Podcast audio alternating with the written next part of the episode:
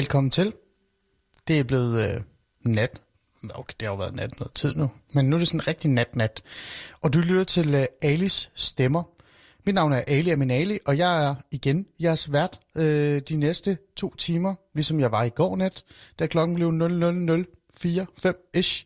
Øh, og øh, igen i aften, i nat, vil jeg tage et øh, spændende og interessant øh, emne op, som jeg måske kan som jeg måske kan være med til sådan på en eller anden måde, eller jeg kan være med til, eller emnet kan være med til at sætte nogle refleksioner og nogle tanker i gang til jer, der holder jer vågen om natten, eller lytter med på podcasten senere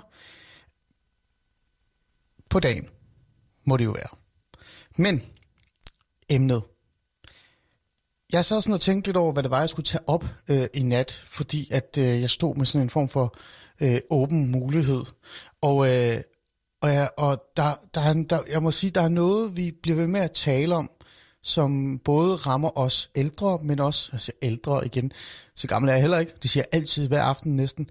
Men også os unge. Og det er den her identitetspolitik, som bliver taget op igen og igen og igen. Øh, det er jo noget, der fylder. Det er noget, der fylder i samfundsdebatten. Det er noget, der fylder i, i hverdagen hos rigtig mange unge i virkeligheden også både øh, i, altså på uddannelsesinstitutioner, øh, derhjemme, øh, når man er sammen med venner, men også på de sociale medier. Og det var så derfor, den kommer. Altså, det, den kommer lidt af det. Øh, jeg blev hele tiden inspireret af de samtaler, jeg har om natten øh, med, med andre, eller med mine medværter, eller dem, som skriver ind og kommer med idéer til, til emner. Og jeg synes, øh, at det her emne på en eller anden måde er kommet ud af de her samtaler, jeg har haft de sidste par på netter per aftener. Øhm, altså identitetspolitikken, øh, den her form for aktivisme, eller den her form for, hvad kan vi sige, lyst til at deltage i samfundsdebatten, øh, den politiske samtale, den, den, øh, den kom bare øh, sådan, i virkeligheden bare sig selv. Og, øh, og så tænkte jeg, så må vi tage den op. Lad os prøve at tale om den. Lad os prøve at se, hvordan det egentlig står til. Jeg øh, havde nogle, øh, jeg havde nogle forhåbninger, og det er ikke fordi, det er det, vi skal, vi skal have fokus på lige nu, fordi vi skal også i gang og, med at, at høre vores, øh, vores gæster, vores lytter også, for, for den sags skyld. Men jeg havde sådan en forhåbning om, at når jeg spurgte højt og sagde, hey, alle sammen, hvem er frisk på at tale om identitetspolitik, især på uddannelsesinstitutioner, så havde jeg sådan en idé om, at, at både øh, højrefløjen og venstrefløjen og, og øh, de her små identitetspolitiske øh, grupperinger øh, vil tage hånden op og sige, det vil vi gerne være med til, vi vil gerne have den her samtale.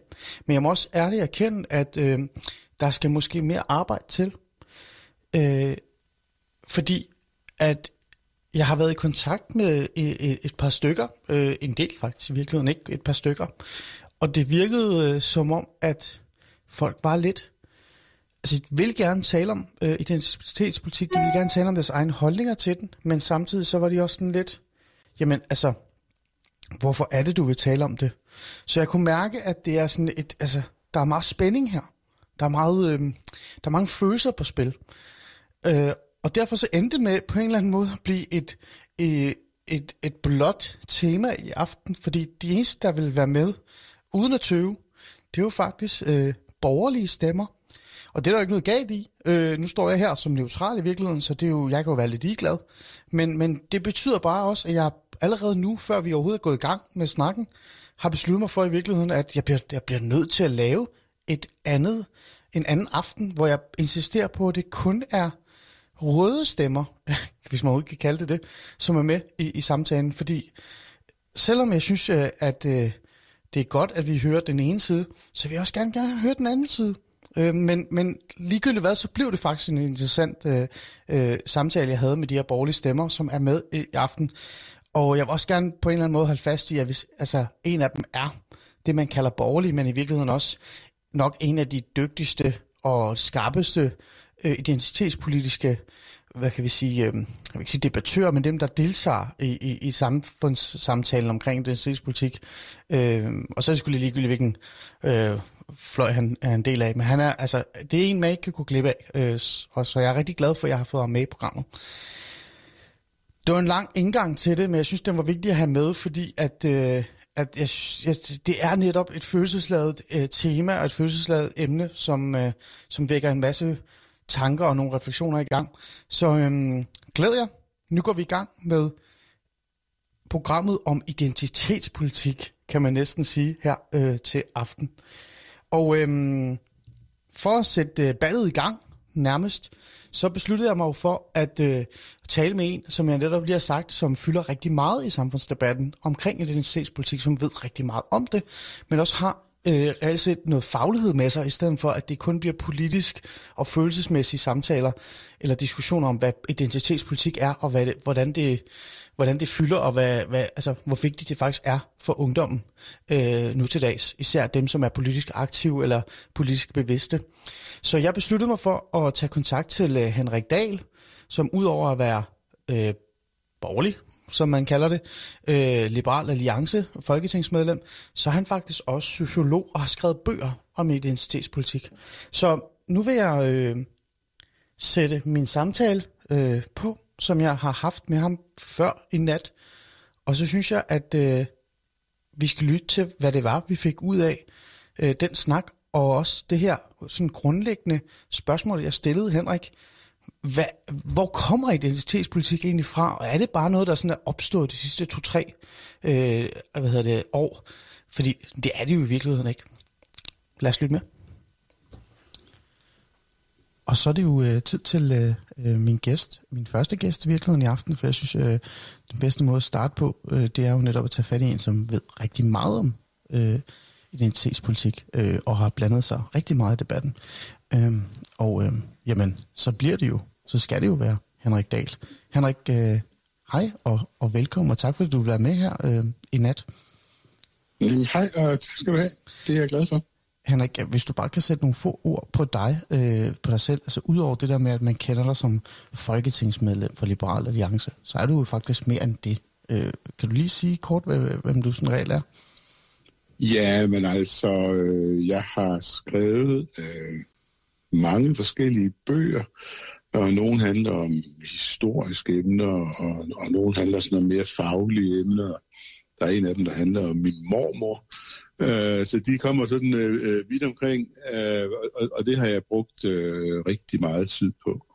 Um, og så har jeg haft min egen virksomhed, øh, og det var selvfølgelig også rigtig spændende, hvor jeg arbejdede med også at lave analyser af kultur og samfund. Så det har, det er altid sådan drejet sig om kultur og samfund, det er lavede på en eller anden måde. Mm. Du, du er uddannet sociolog, er det ikke rigtigt? Er det rigtigt husket? Øh, jo, jeg har faktisk to uddannelser, fordi jeg, jeg, jeg er sociolog, og så har jeg også en kandidatgrad i filmvidenskab. Uh, men den har jeg aldrig rigtig brugt andet end for sjov. Jeg har skrevet lidt i filmtidsskriftet Eko, uh, men, men jeg har mest brugt min sociologuddannelse, men jeg har også okay. den anden. Okay, Jamen, det, var, det vidste jeg faktisk ikke om det, Henrik. No. Interessant.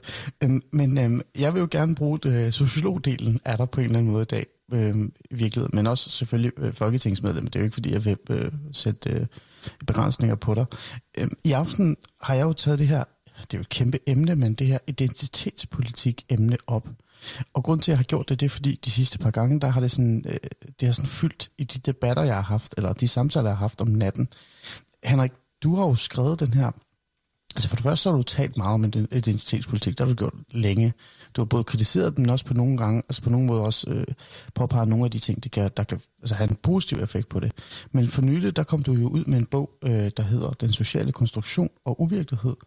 Og øh, hvis man sådan googler bogen og, og kigger på, hvad den sådan starter med, altså beskrivelsen, så, så begynder den med ordene, identitetspolitik har eksisteret længe det var en drivkraft i den 1800-tallets nationalisme.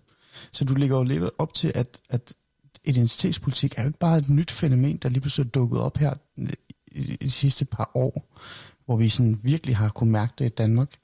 Øhm, hvad er identitetspolitik for dig, bare sådan øh, kort? Jamen, det er nemlig vigtigt at starte der med, at det er noget, der har eksisteret i lang tid. Det, som det er, det er jo politik for at blive anerkendt. Mm. Fordi det politik, vi laver inde i Folketinget, det er jo tit noget politik, der handler om at fordele ressourcer. Uh, altså penge, hvem skal have, hvem skal ikke have, osv. osv. Og så er det sådan noget med at fordele magt, altså hvem skal styre øh, folkeskolen, og hvem skal øh, styre pensionskasserne osv. Så, videre, så, videre. så, så politik handler tit om penge og magt. Men så er der også noget politik, der handler om, at folk gerne vil anerkendes. Og der skal vi jo holde fast i, at det går lang tid tilbage, fordi når kvinderne ville anerkendes øh, som borgere og have nogle politiske rettigheder, så var det jo også 1800-tallets og 1900-tallets identitetspolitik. Uh, og når, og, og når, når der er en eller anden kultur, der vil have en politisk overbygning i form af et land, så det er jo nationalisme. Så, så, så det er jo sådan set også øh, identitetspolitik. Altså, øh, sådan et land som Tyskland, det blev jo først samlet i 1870, mm. øh, og bestod ellers af en hel masse dele osv. Så, videre. så det er jo også identitetspolitik, når, når, man, når man laver et samlet Tyskland øh, i 1800-tallet. Man, man laver også et samlet Italien øh, nogenlunde på den samme tid. Ikke? Altså, mm. Så på den måde har det jo nemlig været rigtig længe hos os. Øh, og, og, og når man skal arbejde med det i praksis, tror jeg, at man er, man er næsten nødt til at, at gå ned og se på nogle enkelte områder, for det, det er rigtig svært at skrive hele identitetspolitikkens historie.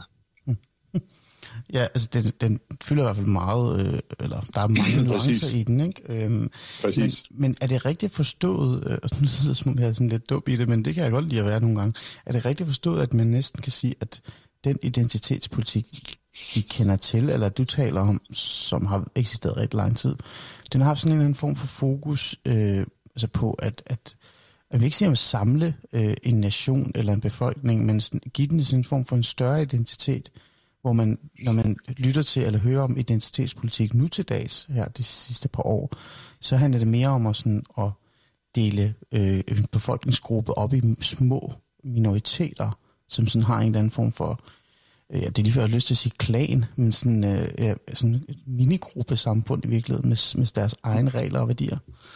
Jamen, det er godt set, øh, og, og, og, og det må jeg bare sige, altså, det, det har du ret i, altså, fordi den identitetspolitik, som jeg interesserer mig for i, i, i bogen, som du talte om før, ja. det, det, det, det, det er sådan en selvstændig afdeling af identitetspolitikken, som egentlig er opfundet øh, i USA på nogle amerikanske universiteter, og, og som handler i første øh, gang øh, om, om, om, øh, første omgang handlede det om kvinders rettigheder, og så handlede den om de sortes rettigheder. Øh, og så er det blevet udvidet til at handle om, om seksuelle minoriteters rettigheder, øh, som man også arbejder rigtig meget med. Og, og, så er der, og så er der forskellige andre minoritetsgrupper, altså handicappede og mm. øh, de tykke har også ligesom deres egen videnskab og, og, og, og så videre. Ikke? Og, og det handler alt sammen om, at man har nogle grupper, som man mener er blevet behandlet uretfærdigt på et eller andet tidspunkt i verdenshistorien, og så skal man på en eller anden måde have gjort det godt igen. Og, og, og omdrejningspunktet er så ligesom, at man har nogle, nogle ting i fortiden, typisk man synes var for dårlige, og så skal der i nutiden skal der rettes op og det, det, der, hvor vi som danskere måske kender det mest, det, det er jo på kunstakademiet, når man siger, nu skal vi have set på slaveriet i 1700-tallet, og nu skal vi på en eller anden måde have rettet op på de ting, der skete dengang. Mm. Altså, på en eller anden måde, så giver det jo mening, Altså, fordi at ved at gøre brug af øh, identitetspolitikken, eller den her form for øh, sige, strategi, så formår man jo på en eller anden måde at samle en, en gruppe, og så prøve at påpege over for majoriteten, at der er et problem her, og skal vi ikke sammen på en eller anden måde løse det. Men, men jeg har sådan lidt, når jeg kigger på øh, identitetspolitikkens historie, og så, og så tænker jeg sådan på, hvordan den er nu, øh, og ret mig endelig, hvis det er helt forkert, ikke, så virker det som om, at fokus er ikke så meget på at at få minoriteten ind i et stort fællesskab og få at fællesskabet til at acceptere dem. Det handler mere om, at fællesskabet skal acceptere, at den her minoritetsgruppe skal have deres egne rettigheder og deres egne værdier, og så skal de bare have lov til at være, som de er. Det er sådan, det er sådan en form for...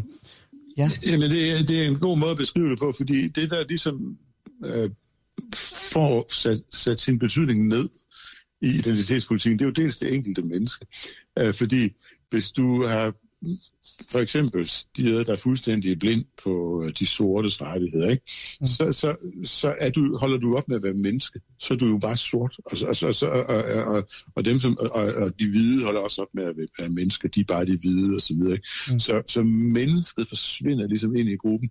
Men den anden ting, der forsvinder, det er jo helheden. Altså, der, der, der er så pludselig heller ikke nogen helhed, hvor vi kan, hvor vi kan mødes og, og, og, og diskutere, hvad vi er uenige om, og lave kompromis, og så er det det, vi kører efter. Så det er sådan noget, vi laver hver dag mm. på Christiansborg. Ikke? Altså, så, så når du skruer så meget op for grupperne, så skruer du ned for mennesket, og du skruer ned for helheden. Mm. Og, og, og det er jo netop det med, at du både skruer ned for mennesket og helheden, som, som jeg synes er, er, er kritisabelt.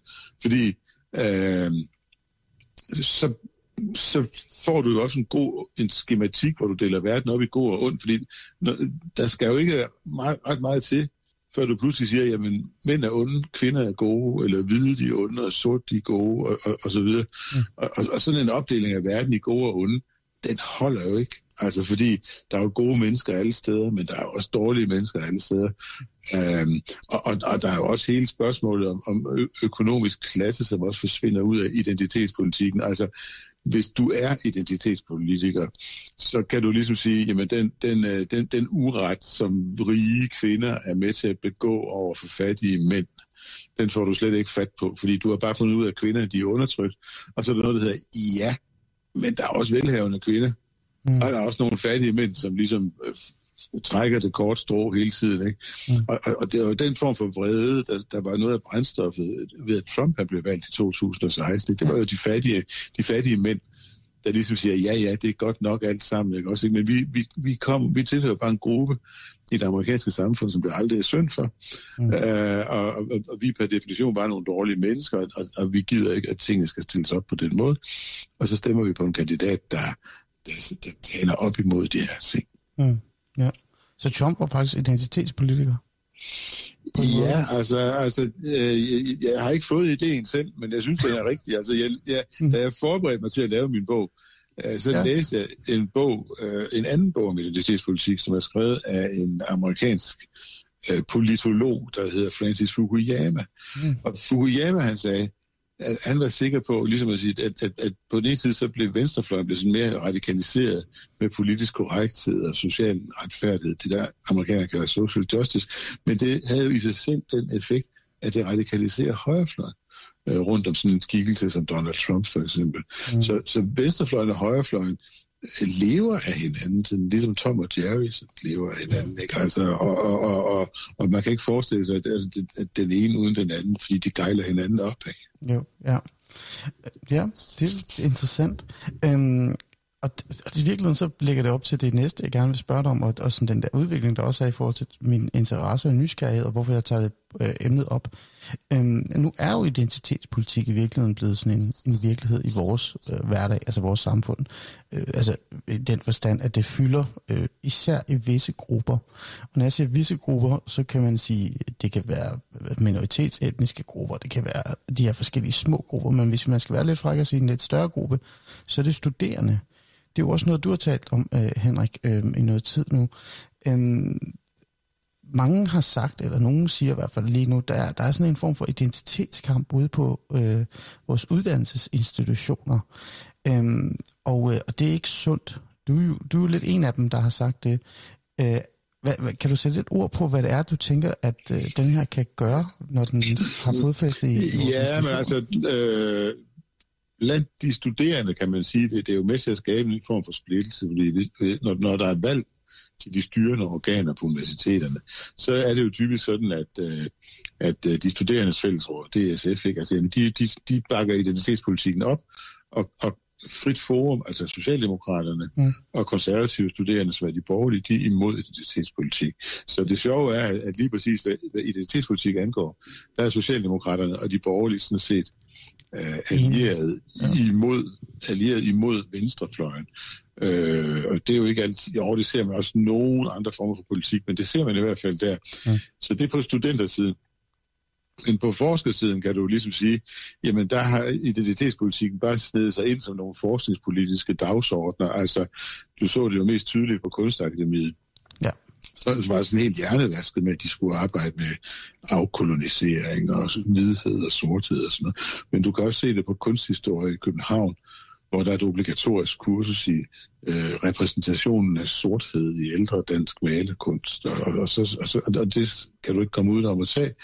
Um, og det siger sådan de lidt ældre kunsthistorikere, det synes de er et, um, underligt perifert emne, man så skal bruge en hel masse tid på, fordi det, det betød reelt ikke særlig meget i 1700-tallet, mm. og det bliver så skal se ud, som om det betyder rigtig meget. Men, men, men der, du har også nogle, nogle miljøer inden for kønsforskning og inden for øh, øh, migrationsforskning, hvor der også er rigtig meget øh, identitetspolitik. Mm. Øh, så det, det, har, det, er, det har vundet indpas med mange steder. Mm.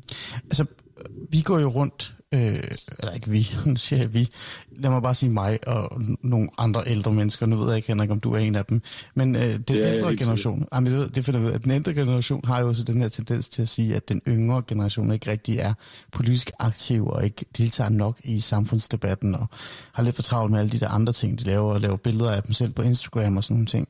Øhm, kan man ikke sige, at identitetspolitikken eller hele den her fokus på for eksempel den her uretfærdige, der har været ved slaveri, eller øh, den her grønne klimadebat, øh, som de unge har, har sat i gang, som virkelig også på en eller anden måde kan være lidt identitetspolitisk, fordi de tager det på sig som sådan en form for identitet. Øh, kan, det, kan man ikke også sige, at, at der også kan komme noget positivt ud af det ude på de her universiteter og blandt de, de, øh, den, den yngre gruppe? Fordi de netop jo, jo, jo, på en eller anden måde finder jo. noget at kæmpe for i virkeligheden. Ja, jamen, engagement er jo godt. Fordi ja. engagement er jo drivkraften for, man gider stå op om morgenen og, og, og gider blive ved med at løse sine arbejdsopgaver, når man begynder at få lidt ondt i ryggen, og man har siddet og læst i, i langt. Altså, så, ja. så, så, så engagement, det er godt. Ja. Øh, det, det er klart, ikke? Men, men hvis man ikke bruger det der engagement til at blive klogere, øh, så er det jo et problem, ikke? Og, og, og, og det, som jeg har været med til at kritisere, identitetspolitikken for, det er jo, at den, den, den sådan helt systematisk forhindrer sig selv i at blive klogere. Fordi den på en eller anden ja. måde har, har imprægneret sig selv imod at blive klogere. Fordi man på forhånd har sagt, at, at på det her punkt, og på det her punkt, og på det her punkt, der ønsker vi ikke at blive klogere. Der har vi noget frem til sandheden. Og vi, ved, vi ved, vi kan på forhånd sige, jamen altså, hvis der skulle komme nogle oplysninger frem om, at samfundet egentlig er godt, så vil vi ikke høre på det, fordi vi har på forhånd bestemt samfundet, det er skidt. Og hvis der kommer nogle op, nye oplysninger frem til, at kvinder bliver jo egentlig behandlet okay i Danmark og sådan det vil vi ikke høre på, fordi øh, vi har på forhånd bestemt, at de bliver behandlet dårligt. Eller hvis der kommer nogle oplysninger, hvor man siger, ja, men slaveriet i Danmark blev altså afskaffet i 1792, ikke? så det var ikke sådan, fordi det var super populært. Altså, det, det, har, altså, det har været afskaffet i over 225 år. Ikke? Altså, ja. øh, så, så kommer folk også ligesom og siger, ja, men det, det gider vi ikke at høre på, fordi det var et stort problem alligevel. Så hvis man, hvis man laver et system, hvor man beskytter sig selv imod at blive klogere, øh, så synes jeg, at vi har et problem. Mm. Så, så det er jo, altså på en eller anden måde, så lyder det som sådan en form for øh, fanatisme i virkeligheden inden for identitetspolitikken. Altså det der med, at man på en eller anden måde har besluttet sig for, at man er, altså det, det, det er lige før det der ord vogue kommer ind nu, er det ikke det? Altså man er oplyst øh, mere end andre, og så gør man brug af et andet ord, som også bliver brugt meget i cancel, øh, det her mm. identitetspolitik, cancel culture, altså det vil sige, at man går ind og, og, og stopper andre i at udtale sig, fordi man mener, at det de siger, de er irrelevant, fordi de netop er for eksempel, det er irrelevant i virkeligheden, at jeg har den her samtale med dig, Henrik, fordi du er en, en hvid med ældre herre, som er, øh, ja, er succesfuld, og, og en del af måske nogen vil kalde overklassen. Så det er fuldstændig ligegyldigt, at jeg taler med dig. Men altså, folk, folk, der, går, folk, går ind for mangfoldighed, ja. de er jo som regel imod åndelig mangfoldighed. Mm, ah. og, og, og, og, og, og det er jo lidt mærkeligt, fordi du, altså, hvis, du, hvis, du, hvis du siger, hvis du siger folk, der går ind for mangfoldighed imod så bliver det rast. og man skulle tro, at de også gik ind for intellektuel mangfoldighed. Ja. Men de, de er imod intellektuel mangfoldighed, så du er, ikke, du er ikke velkommen til at gøre indsigelse imod deres antagelser. Mm. Øh, og, og, og, og, og cancel culture er jo netop, at, at, at du siger, folk der, folk, der gør indsigelse imod de her antagelser, de bliver, sådan, de bliver afbooket lige så stille og roligt. Altså, så kører vi ikke mere til dem. Mm. Nu tager jeg det der med, at, at der kan være noget positivt, øh, der kan komme noget positivt ud af det. Altså jeg har også lagt mærke til, at øh, der er rigtig mange, som man godt kan smide under, altså mange unge, som man kan smide ind under den identitetspolitik-kasketten, men som ikke er så øh, fanatiske. Altså de, de går meget op i for eksempel pronouns, eller hvad det hedder, pronouns, det der med he og she ja. og sådan noget. Men, men at samtidig så er det sådan et, ja ja, det er fint nok, hvis du ikke kan, kan forstå det, men vi synes, det er det rigtige, og så, og så videre. Øhm, tænker du det, altså er det så stort et problem eller er det en mindre gruppe ude på universiteterne, som bare råber højt?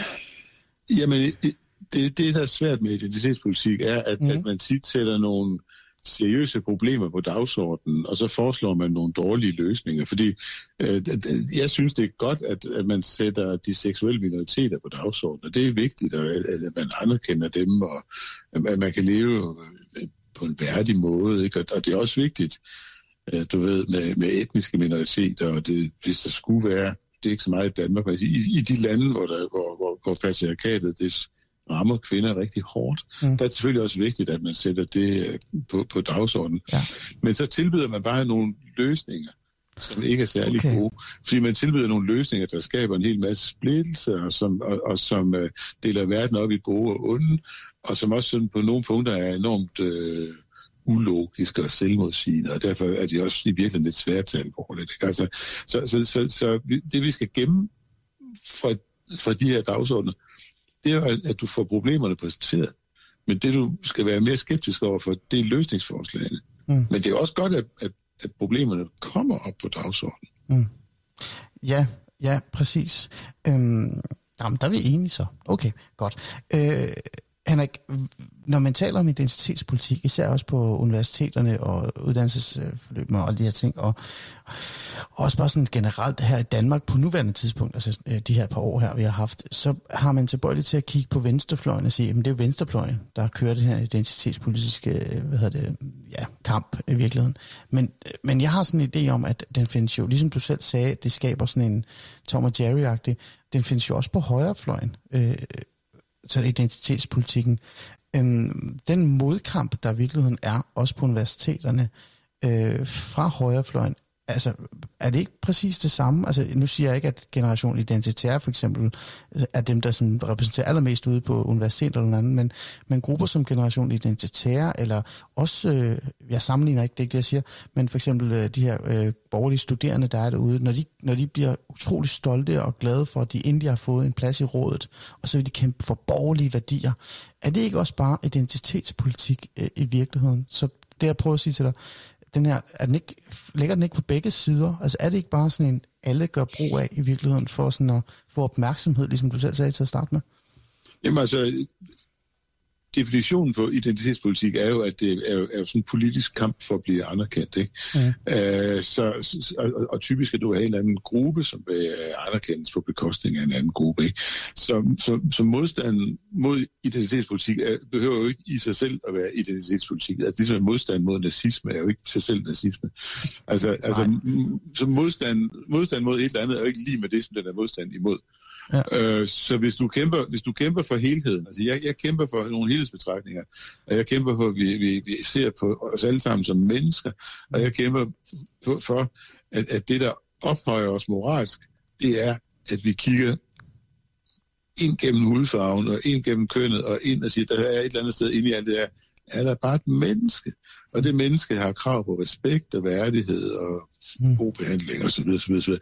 så kæmper du jo ikke en identitetspolitisk kamp, så kæmper du for, for sådan nogle universelle synspunkter. Mm. Men højre, højreorienteret identitetspolitik, det er jo typisk, det har jo karakter typisk af sådan noget nationalisme. Ikke? Altså, mm. Hvis du tager sådan noget, altså hvis, sådan noget hardcore hvid nationalisme eller sådan et eller andet, så er det jo typisk sådan højreorienteret identitetspolitik. Ikke? Mm. Altså, hvis ja. du forestiller dig sådan en uh, Denmark first, eller sådan, du ved ikke, ja. eller ja, ja, uh, de hvide mennesker går på gaden med høtyv og siger, nu gider vi fandme ikke mere. Sådan et eller andet, ikke? Altså, så, så, så, er det jo, så er det jo sikkert sådan noget, der er ja. baseret på højrefløjen. Ikke? Jo, ja. øh, men kampen mod noget er jo ikke lige med det, det er en kamp imod. Nej, nej, okay. Øhm, før vi sådan kommer hen til, nu, fordi nu skal du jo løse det for mig, fordi nu har du skrevet en bog jo, du har skrevet masser af bøger jo i virkeligheden, men for jeg spørger dig sådan om, hvad løsningen kunne være sådan lidt fremadrettet øh, og, og jeg tænker, løsningen skal også være på en måde, hvor man sådan respekterer øh, de unges øh, altså, ret til også at være sådan rebelle og udfordrende, fordi jeg var da også rebel, da jeg var yngre, og gik op i sådan nogle mærkelige ting, og var fuldstændig ligeglad med, hvad øh, nogen sagde i forhold til et specifikt emne. Øh, men hvis vi lige venter med den løsning, løsning. Øhm, jeg startede med at sige, at identitetspolitikken har eksisteret længe, det er jo en drivkraft øh, i 1800-tallets nationalisme, så det er jo noget, der har eksisteret i lang tid. Øhm, når vi skal kigge på løsninger lige om lidt, er der noget, vi kan lære af, at dengang, eller står vi med en helt ny form for identitetspolitik, som er meget anderledes end den, du kender historisk i virkeligheden? Jamen, identitetspolitikken skal jo også sådan øh, kende sine grænser på en eller anden måde, og det er jo måske det, vi kan lære af 1800-tallets identitetspolitik, fordi der, der, der, det, du får op igennem 1800-tallet, det er jo en hel masse nationalstater, mm. og, og, og det de nationalstater så gør, mange af dem, det er, at de så kaster sig ud i at føre krig mod hinanden, fordi man er så glad for sit eget, at man kommer til at have alt det andet, og så ligger krigen lige rundt om hjørnet. Mm. Så, og, og, og derfor skal identitetspolitikken selvfølgelig øh, blødes op på en eller anden måde, ikke? Mm. sådan at, at vi trods alt kan, øh, kan rumme det ikke-identiske. Mm. Og, og, og, og den øh, identitetspolitikken bliver jo nogle gange så firkantet, at den så ikke kan rumme det ikke-identiske. Ja, ja. Og næste fase er jo, at man også ligesom er nødt til at sige, ja, men altså, jeg kæmper for anerkendelsen af kvinder, men jeg kan også godt rumme, øh, mænd de også vil anerkendelse, eller jeg kæmper for anerkendelsen for, for de sorte rettigheder, men det er jo selvfølgelig klart, at det, det, det, det kan vi ikke opnå ved at, at træde nogle andre mennesker ned. Altså, mm. det, det, sådan, sådan kan man ikke ja. stille tingene op. Ikke? Altså, ja. Så, så det er jo altså, faktisk... Det, det, det, det gode ved sådan noget demokrati og sådan noget, det er, at der bliver mere af, at man deler det. Øh, Kna, knappe gode, knappe gode, de penge får du færre af ved at dele, men også med demokrati får du heldigvis mere af ved at dele. Ikke? Også? Så derfor så opfører det sig ja. efter nogle andre regler. Ikke? Mm. Og det, det giver mening. Øh, men så begyndte jo allerede med løsninger, og vi kommer jo næsten ind på det, fordi hvis man så skulle sige, at en løsning skulle være øh, i forhold til at, at, at ikke at se for styr på det, men hjælpe især vores yngre generation øh, lidt videre end, end det der, de, altså det de sidder fast i, den der øh, form for aktivisme, det er netop er blandt med, på, og på en måde kan også være sådan lidt øh, yderliggående aktivisme inden for identitetspolitik, det er måske at, at sige til dem, at, at i bund og grund, det du kæmper for, det er jo anerkendelse. Og hvis du bliver ved med at holde fast i din egen forståelse, så kommer anerkendelsen ikke. Så, kommer, så bliver det jo sådan noget tvang, og, og det kan jo i virkeligheden ende i konflikter. Øhm, kan man ikke sige det? Fordi jeg har sådan et, jeg synes jo, det er vigtigt, at altså, når jeg sidder over for en, en 19-20-årig, som for eksempel på Instagram eller på Snapchat eller på TikTok, kæmper for retten til, at hende og hendes venner og veninder kan bruge he, she, her, det, alle de der, du ved, køns... Øh, ja, ja. Så synes jeg jo, at man skal anerkende det, fordi det, de jo, altså, samfundet ændrer sig jo konstant. Og, og det, jo, det vil ikke undre mig om 10 år, at min søn er sådan lidt... Han er ligeglad med, hvilken køn han er, fordi det ændrer sig konstant. Men skal man ikke, så skal man ikke finde en eller anden gylden øh, mellemvej, hvor man anerkender den her form for øh, krav, men samtidig jo, også siger, der, at det skal være der, løsningen? Der, der er, der er bare et modspørgsmål, den ja. her type mennesker aldrig kan svare på. Ikke? Fordi det er folk, der kæmper for den form for anerkendelse.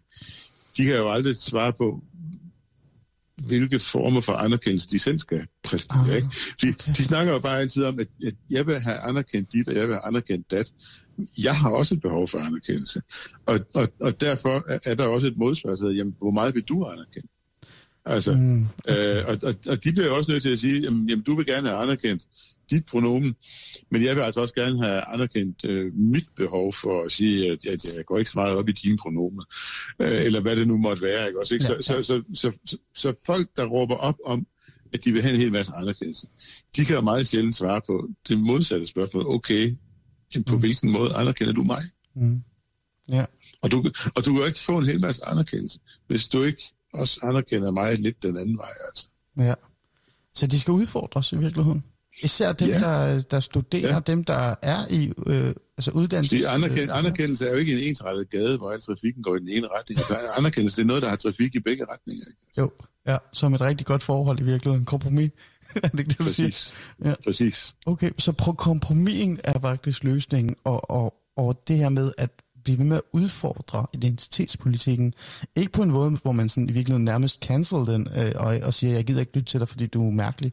Men mere sådan et, øh, jeg lytter til dig, men helt ærligt, vi skal også have en, vi skal finde et kompromis, og, ja, og jeg vil gerne udfordre dig. Du må også anerkende mit behov for at blive lyttet til. Ja, ja, okay. Og det er jo det, der altid mangler, ikke? Ja. Nu har, nu har jeg så opfyldt dit behov for at blive Det næste, der skal ske nu, det er, at du opfylder mit behov for at blive Og der er det så måske folk får slukket for høreapparatet lidt for hurtigt. Ikke? Også, altså, det er jo det, der ikke går. Ikke? Altså. Ja, ja. Øh, kære unge, I skal ikke slukke for jeres øh, høreapparater, hvis I har sådan nogle. jeg tænker, øh, Henrik, med de ord, så tror jeg, at vi kommer i mål med de ting, jeg gerne vil spørge dig om. Øh, lad mig lige bare sådan reklamere lidt for den endnu, og det, det er faktisk lidt flot, jeg har ikke læst den ind selv endnu jeg skal, lige, jeg skal tage mig sammen og købe den og læse den, for jeg vil vildt gerne læse den. Den sociale konstruktion og uvirkelighed af Henrik Dahl, den er netop lige kommet ud øh, i år. Er det ikke rigtigt, Henrik? Ej, slutningen af 20. Slutningen af 20, øh, ja. Øhm, Men øh, den er stadigvæk, det føles frisk. Ja, den, den er i hvert fald brugbar stadigvæk. Øhm, ja, gå ud og find den, øh, kære lytter. Øh, eventuelt øh, foreslå den for din øh, gymnasielærer, folkeskolelærer, samfundsfagslærer, universitet, et eller andet, øh, og prøv at tage den op og se, om, om den kan bruges til noget. Jeg tror faktisk, den vil... Det kan være, at du bliver sur på den og har lyst til at brænde den. Rigtig identitetspolitik -agtig, men det kan, det kan også være, at den kan sætte nogle, øh, ja, øh, nogle undren i gang. Ikke? Henrik Dahl, øh, tak fordi du vil være med og lige hjælpe mig igennem øh, her, øh, med det her øh, spørgsmål. Ja, selv tak, og fortsat god udsendelse. Tak for det. Og god nat til dig, virkelig. Tak lige måde. Og det var så min, øh, min samtale øh, lidt før øh, udsendelsen med Henrik Dahl. Øhm, det, der er jo interessant ved at tale med Henrik Dahl omkring det her identitetspolitik, det er jo, at man netop får den her historie med, og det her med, at, at det er jo ikke noget nyt, og, og det er netop, øh, som Henrik også er inde på, som jeg også er inde på, faktisk kan være positivt. Det kan jo, altså det er jo positivt, øh, hvis man sådan kigger på identitetspolitik i den forstand af, altså hvad det kan producere. Øh, hvis man lige glemmer lidt på altså løsninger og kravene, som der sådan nogle gange peger på, som er godt kan være lidt specielle. Øh, lad os være enige om det på en eller anden måde, og så, så kan vi være uenige om, hvor specielle det er. Øh, men selve den her øh, anerkendelses øh, ønske eller krav eller behov er jo, er jo vigtig. Den er jo ekstremt vigtig, fordi identitetspolitik har jo netop været noget, der gjorde, eller været med til at sørge for, for eksempel, at kvinder har fået flere rettigheder. Identitetspolitik har jo netop været med til at sørge for, at at øh, flere unge er blevet mere aktivistiske og mere, øh, hvad kan vi sige, altså mere bevidste omkring at deltage i samfundsdebatten og i politik. Så, så den, den skaber jo noget positivt. Det der så er, det er, at den så har behov for at blive udfordret, og hvis den ikke gør, så kommer der noget muligvis negativt ud af den. Og så er det ligegyldigt, hvilken fløj det så kommer fra, eller hvilken øh, politisk farve den har på sig, eller øh, ja, hvilken minoritet den reelt set øh, muligvis kan komme til at repræsentere. Øhm, og det synes jeg er, er super interessant. Så derfor så blev jeg også nysgerrig i forhold til, øhm, om det holder stik, altså det her med, som Henrik og mig er inde på, det er, at det kan være positivt, eller det er positivt, og anerkendelse er ekstremt vigtigt, men det ender galt, fordi det ikke bliver udfordret. Og her tænker jeg specifikt nede i sådan, altså nede på uddannelses, eller i en uddannelsesinstitutionerne, eller når det reelt set bliver kastet i hovedet på andre, eller bliver mødt i en, en dialog eller en samtale. Øhm, det fik jeg jo selvfølgelig talt med en anden gæst om, øh, som skrev til mig og sagde, det vil jeg gerne tale med dig om. Det synes jeg er interessant. Øh, men den tager vi lige om lidt. Fordi før vi lige gør det, så lad os lige få en lille øh, nattebreak, og lad os lytte til lidt musik, så vi kan øh, ja, lige få en lille pause, for det kan også være lidt tungt, det her identitetspolitik. Og øh, jeg er blevet lidt glad for den her sang. Det er sådan en, øh, en af de der sange, som kører rigtig meget for tiden. Det er øh, vores øh, gode gamle ven Bruno Mars, som altid dukker op i ny og næ og laver nogle rigtig fede, øh, hvad kan vi sige, øh, hits. Jeg synes, man skal være rigtig fræk og sige det på den måde. Han har lavet en sang, der hedder Talking to the Moon, som jeg synes er rigtig, rigtig god. Og øh, lad os lige sætte den på, og når den er færdig, så går vi videre og får styr på, hvad gør vi så, eller hvad er det, der sker? Altså, hvordan kan det være identitetspolitik, som i bund og grund er positivt og handler om anerkendelse, ender med at være på visse punkter destruktivt, virkelig. Men før det, så lad os lige lytte til uh, Talking the Moon med Bruno Mars. thank you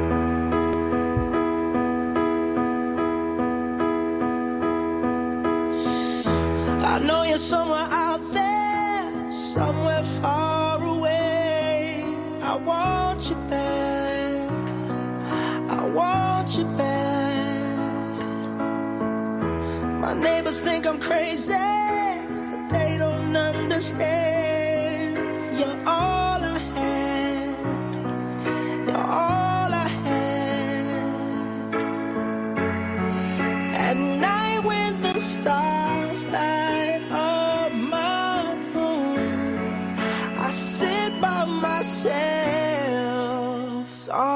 to the moon,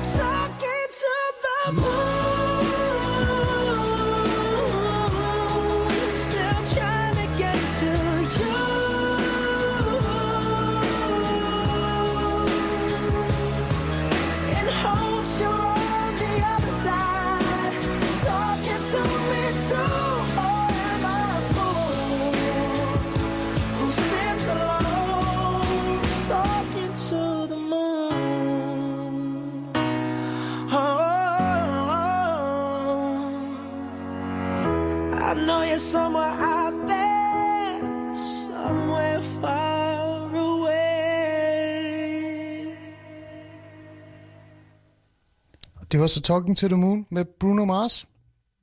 Jeg synes, det er en mega god sang. Jeg ved ikke, hvad, hvad I tænker. Ja, den har noget. Det synes jeg. Og øh, det tror jeg rigtig mange også synes. Det har jeg bare besluttet mig for. Og ja, sådan er det bare. Nå, mit navn er Ali Eminali. Du lytter til uh, Alis Stemmer. Uh, vi er godt i gang med at prøve at dissekrere, hvad uh, identitetspolitik er i virkeligheden. Uh, det har jeg gjort uh, i den første stykke tid med Henrik Dahl, øh, folketingsmedlem for Liberal Alliance, men også sociolog og en person, der reelt set har skrevet noget om identitetspolitik, øh, og dermed har noget faglighed med sig. Og, øh, og det vi sådan på en eller anden måde kom frem til, det var jo, øh, at identitetspolitik kan være destruktivt, kan være ødelæggende, og kan, man kan også kan være sådan provokerende, og faktisk også ødelægge en, en samtale omkring øh, meget vigtige emner. Men den er også, altså den kommer fra noget positivt, den kommer faktisk fra et anerkendelsesbehov. Så jeg er jo sådan lidt nysgerrig på, hvad det er så, der sker. Altså hvad er det, der, der, der går galt? Øh, især i uddannelsesinstitutionerne, for det er jo det, jeg gerne vil sådan... Altså jeg vil gerne vide, hvad der sker for de unge, når de er på uddannelsesinstitutionerne, især på universiteterne for eksempel. Og så pludselig bliver de mødt med sådan en form for øh, identitetspolitisk, jeg vil ikke sige krise, men sådan, øh, debat eller samtale, som i visse tilfælde ender øh, ravnegal. Og det er jo dem, vi lytter, eller vi hører om øh, i aviserne og i medierne.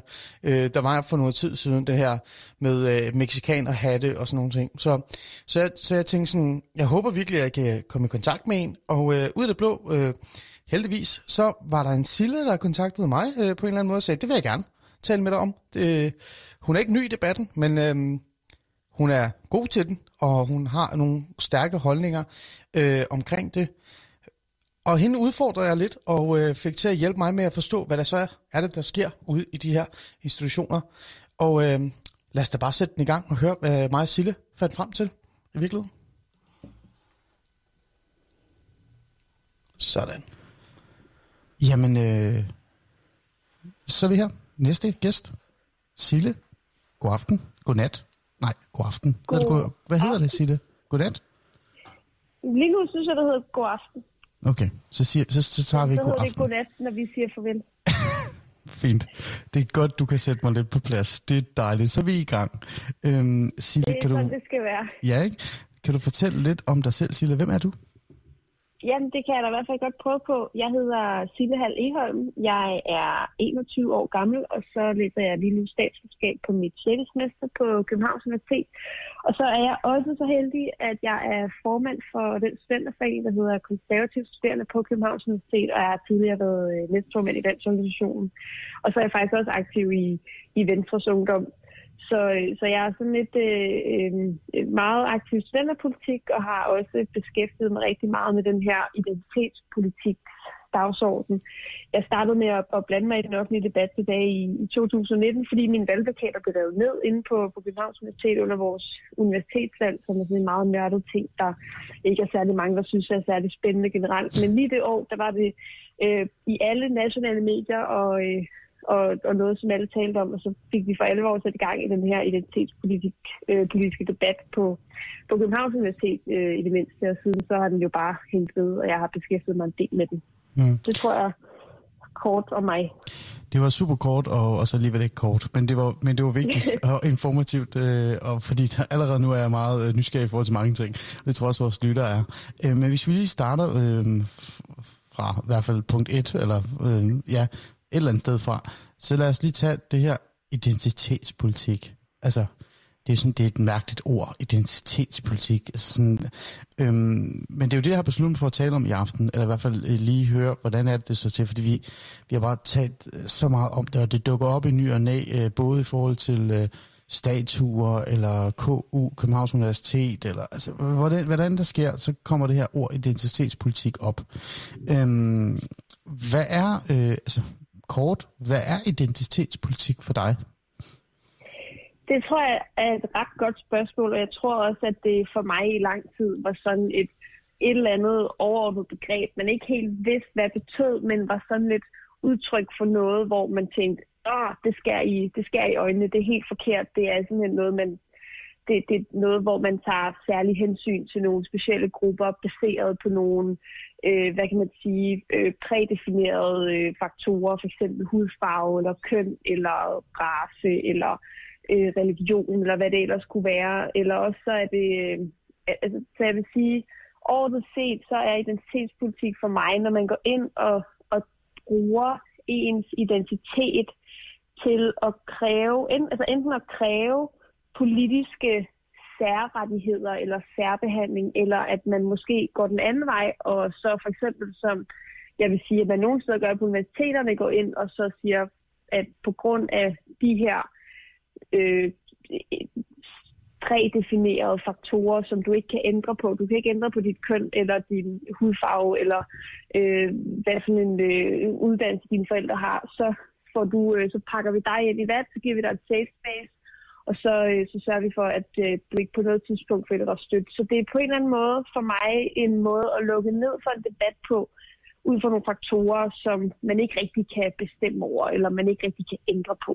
Og det mm. synes jeg i hvert fald øh, er et stort problem, fordi det jo så i nogle tilfælde gør, at man så bare slet ikke må tale om ting, fordi at, åh, så er du racist, eller åh, så er du et forfærdeligt menneske. Det synes jeg er rigtig ærgerligt, især i universitetsverdenen, hvor at jeg i hvert fald selv vil argumentere for, at det er stedet, hvor vi skal have de her store debatter. Vi skal kunne kritisere hinanden, og vi skal kunne udfordre hinandens synspunkter uden at, og, hvad kan man sige, krænke nogen, men måske at provokere lidt, hvis man kan sige det på den måde. Mm. Når du, når du altså, beskriver, hvad identitetspolitik for dig, øh, altså hvad, hvad det er for dig, så øh, virker det jo meget, øh, altså, øh, altså jeg, jeg kan i hvert fald godt genkende det, lad os sige det på den måde. Jeg tror, der er mange, der genkender Det er en beskrivelse af, altså, hvad identitetspolitik betyder for dig er. Øhm, men kan man ikke også sige på en eller anden måde, øh, Sille, at du forenkler det virkelig meget, øh, altså sådan, fordi det du sådan siger, øh, eller det du øh, synes, der rammer dig mest øh, ved identitetspolitikken, det er jo måske den der måde, man sådan på en eller anden måde canceler andre på, eller kræver altså deres løsninger, eller sær, sær, altså kræver særregler eller andet. Kan man ikke sige, at identitetspolitik også kan være noget, som altså sådan en eller anden form for, um, det kan være noget, der faktisk inspirerer og motiverer individet til at at kæmpe for en sag og, og tage noget til sig, som i virkeligheden måske er sådan lidt større end en selv, øh, eller for den sags skyld bare kræve anerkendelse. Altså er identitetspolitik ikke først fremmest et anerkendelsesprojekt, det der med at sige, ved du hvad, jeg eksisterer, jeg er her, der er nogle rettigheder, jeg gerne vil gøre opmærksom på, og så vil jeg gerne have, at fællesskabet skal, skal forholde sig til dem. Øh, altså, er det ikke det, det først fremmest er? Jo, og når du, altså man siger, den måde, du beskriver det på, er jo heller ikke den problematiske del af identitetspolitik. Jeg tror da, at, at mange af os, nu er jeg jo selv borgerlige, og har da også selv kæmpet lidt for at, at kunne få lov til at være borgerlige, og simpelthen øh, kæmpet for min ret til at være det, uden at skulle føle mig udskammet på, på min uddannelsesinstitution. Og jeg tror da, at der er rigtig mange mennesker, som føler, at øh, altså inklusive mig selv, og, og sikkert også dig og alle mulige andre, at, at man ligesom skal føle, at den man er, er god nok. Og det er jo heller ikke det, når man taler om identitetspolitik, der er problemet. Det er jo heller ikke dem, som har hvad man siger, identitetspolitiske dagsordner, eller som synes, at øh, der skal være kvoter på, på pensum, eller hvad ved jeg, er, er, er problemet. Det er jo ikke problemet, at vi har debatterne. Det er jo ikke problemet, at man i tale sætter nogle af de her øh, problemer, eller hvad man siger, at de personlige dagsordner, man har. Problemet er, når vi for eksempel på, på universiteterne går ind og, og laver regler for øh, ud fra de her der kan man sige, identitetspolitiske dagsordner, mm. eller identitetspolitiske ønsker og krav. Så, så det er også det, det altså jeg, jeg synes, det går begge veje, at det er jo ikke fordi, det er et problem, at man er identitetspolitisk. Det skal bare ikke være noget, der kommer ind og, og bliver en del af vores systemer, vores institutioner, mm. og, og, og skrevet ind i reglerne, hvis man kan sige på den måde. Så mm. det, du har ret, men, og det er heller ikke den del, der er problemet. Nej, så du, så du anerkender, at det er anerkendelse, det er en mærkelig sætning det her, men du anerkender, det er anerkendelsen, som i sådan, altså er øh, hovedformålet med identitetspolitik. Altså det her med, at... Øh, fordi det, jeg, det jeg for eksempel har talt med Henrik Dahl om, som jeg interviewede her før dig, som også er med i, i, i programmet, det er, at identitetspolitik er jo ikke noget, der er nyt. Altså, det har jo eksisteret længe. Øh, I hans bog, Den sociale konstruktion og udvirkeligheden, der nævner han jo, at det er jo faktisk øh, en drivkraft, der kom fra 1800-tallets... øh, nationalisme i virkeligheden. Det var det, der var med til at skabe forskellige nationer, øh, forskellige folkefærd. Der var fokus måske mere på, at der var øh, nogen, som gerne ville øh, kræve anerkendelse og så blive til en, en større, øh, hvad hedder det, hvad kan vi sige, majoritet, altså sådan en fællesskab i virkeligheden. Ikke? Øhm, så altså, vil du give mig ret i, før vi går lidt videre, det her med, at altså, i, i, altså, før vi ender med løsninger, og muligvis også det, man kan kalde for sådan et yder, altså yderliggående tilgang til løsninger, øh, så er identitetspolitik i virkeligheden øh, noget, som godt kan skabe noget positivt. Det tror jeg godt, at jeg kan, jeg kan lege med på. Det kan du godt. Ja, det, det tror jeg godt. Ja. Altså, det, det er fordi, jo, fordi det Silja, er, du ikke selv identitetspolitiker i virkeligheden? Øh, I bund og grund? Jo, fordi til, de... til, til, en vis, øh, til, til en vis punkt er også, det nævnte jeg jo også før, i forhold til, at jeg jo selv har, øh, har kæmpet lidt for, for øh, man sige, at, at blive accepteret som borgerlig på, en, en meget, på et meget rødt fakultet. Ja. Og jeg tror, at at igen, det identitetspolitiske er jo ikke problemet. Det er jo problemet, hvis man går ind og kræver, at det så skal have institutionelle øh, konsekvenser mm, ja. for, for alle de andre mennesker, at når en minoritet går ind og kræver, at, at hele at en majoritet skal opføre sig anderledes, eller have anderledes regler, eller hvad ved jeg. Så det er der problemet er, så man kan sige, jeg går jo ikke som borgerlig ind og siger, at øh, jeg vil gerne kræve, at der skal være 50% borgerlige på Institut for Statskundskab, fordi ellers så føler jeg mig bare dårligt behandlet, eller jeg vil have et safe space. Så prøver jeg at sidde og tage debatten, og, mm. øh, og prøve at talesætte det, og prøve at invitere nogle af mine medstuderende til dialog. Mm. Ja. Og jeg tror, at i virkeligheden så er identitet ikke et problem, hvis man ikke taler om det. Mm. Så samtalen, øh, det er den, du sådan et eller andet sted øh, synes, der går galt, og så også løsningerne. Altså, kunne du finde på i morgen, ja. øh, bare, bare for sådan en sjov lille øh, leg, kunne du finde på i morgen og så sige, at øh, nu vil du have, at øh, ude på Københavns Universitet, der skal der være sådan en øh, Gud, Konge og Fæderland-dag? Øh, kunne, nej. Det kunne du ikke finde på. Men hvis vi lader den her idé om, at du kunne finde på at spørge om, altså stille ikke et krav, men tage det op, vil du så sådan, hvis du nu gjorde det, vil du så lægge op til, at man så har en samtale omkring det, og så hvis man er enig om, at det var noget fjollet noget, så vil man bare smide det væk? Altså er det det, er det det, du siger, at det skal der være plads til? Altså der skal være plads til, at der er nogen, der kommer og siger, det her det er vigtigt for os, nu skal vi tale om det.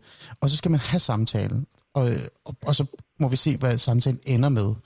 Er, er det jeg det, du tænker? altid, man skal have samtalen, og jeg tror, at nu er det nok lidt svært for mig at gå op og sige, at jeg vil gerne en Gud Kong Fæderland dag, fordi først og fremmest så er jeg ateist, og derudover så er jeg ikke Jamen, det er også mig, der er fordomsfuld over for konservative studerende. Ja, jeg, jeg ved det, ikke. Godt, jeg ved ikke, hvad I går op nej, nej, i. Altså, men, nej, men Margarita er, jeg ved det ikke. ja, det ved jeg ikke. Flere flyverschusser til efter øh, ja. fredagsbarn eller sådan et eller andet. Ja. Men, men jeg tror, at først og fremmest så vil jeg øh, håbe, at det er noget, man gør i de frivillige foreninger. Så hvis det nu er, at man for eksempel øh, øh, som konservative tænker, ved du hvad, KU, vi skal fandme have en god guldkonservativ en dag. Så i stedet for at gå til ledelsen og kræve, at det bliver en ting, som hele universitetet gør, og, og ligesom presse ned i halsen på alle de andre studerende, så kunne man måske gå til konservative studerende og sige, hey, konservative studerende, skal vi ikke lige lave en mærkedag, hvor alle de studerende, som synes, det er mega nice med guldkonservativ, de kan fejre det. Og hvis jeg kan komme med, altså hvis du vil have et, et meget konkret eksempel ja, på, hvornår at den her manglende dialog blev et problem, så har jeg et meget frisk det fra mit eget institut. Mm. Jeg startede selv på statskundskab i 2018 og var på Holkina, hed det dengang, fordi at vi har en dejlig lang tradition for, at når man starter på statskundskab, så får ens holdnavn et landenavn. Så er der mm. øh, sjove lege og øh, alt muligt andet med ens landenavn, og der er lidt sjovt, men der er også rigtig meget jeg må sige, læring, og øh, det fungerede altid. Så har der så været et negativt debatindlæg for nogle år tilbage, og så var der en studerende, der sendte en klage over, at, øh, at der var noget negativ stereotypisering af øh, det land, som hun var på, hvor at hun så opfordrer til dialog. Og øhm, det er jo ikke et problem i sig selv, at man klager og siger, at vi skal lige tale om, hvordan vi kan gøre det her mere inkluderende, så vi ikke øh, ekskluderer nogle øh, minoriteter, eller gør, at de føler sig krænket, eller føler, at vi ikke øh, at vi stereotypiserer deres nationalitet. Ja, ja. Ja. Måden, som øh, fakultetet behandlede det, eller hvad man siger, institutledelsen behandlede det på, var bare at sige, Nå, men så laver vi bare ikke lande mere nogensinde.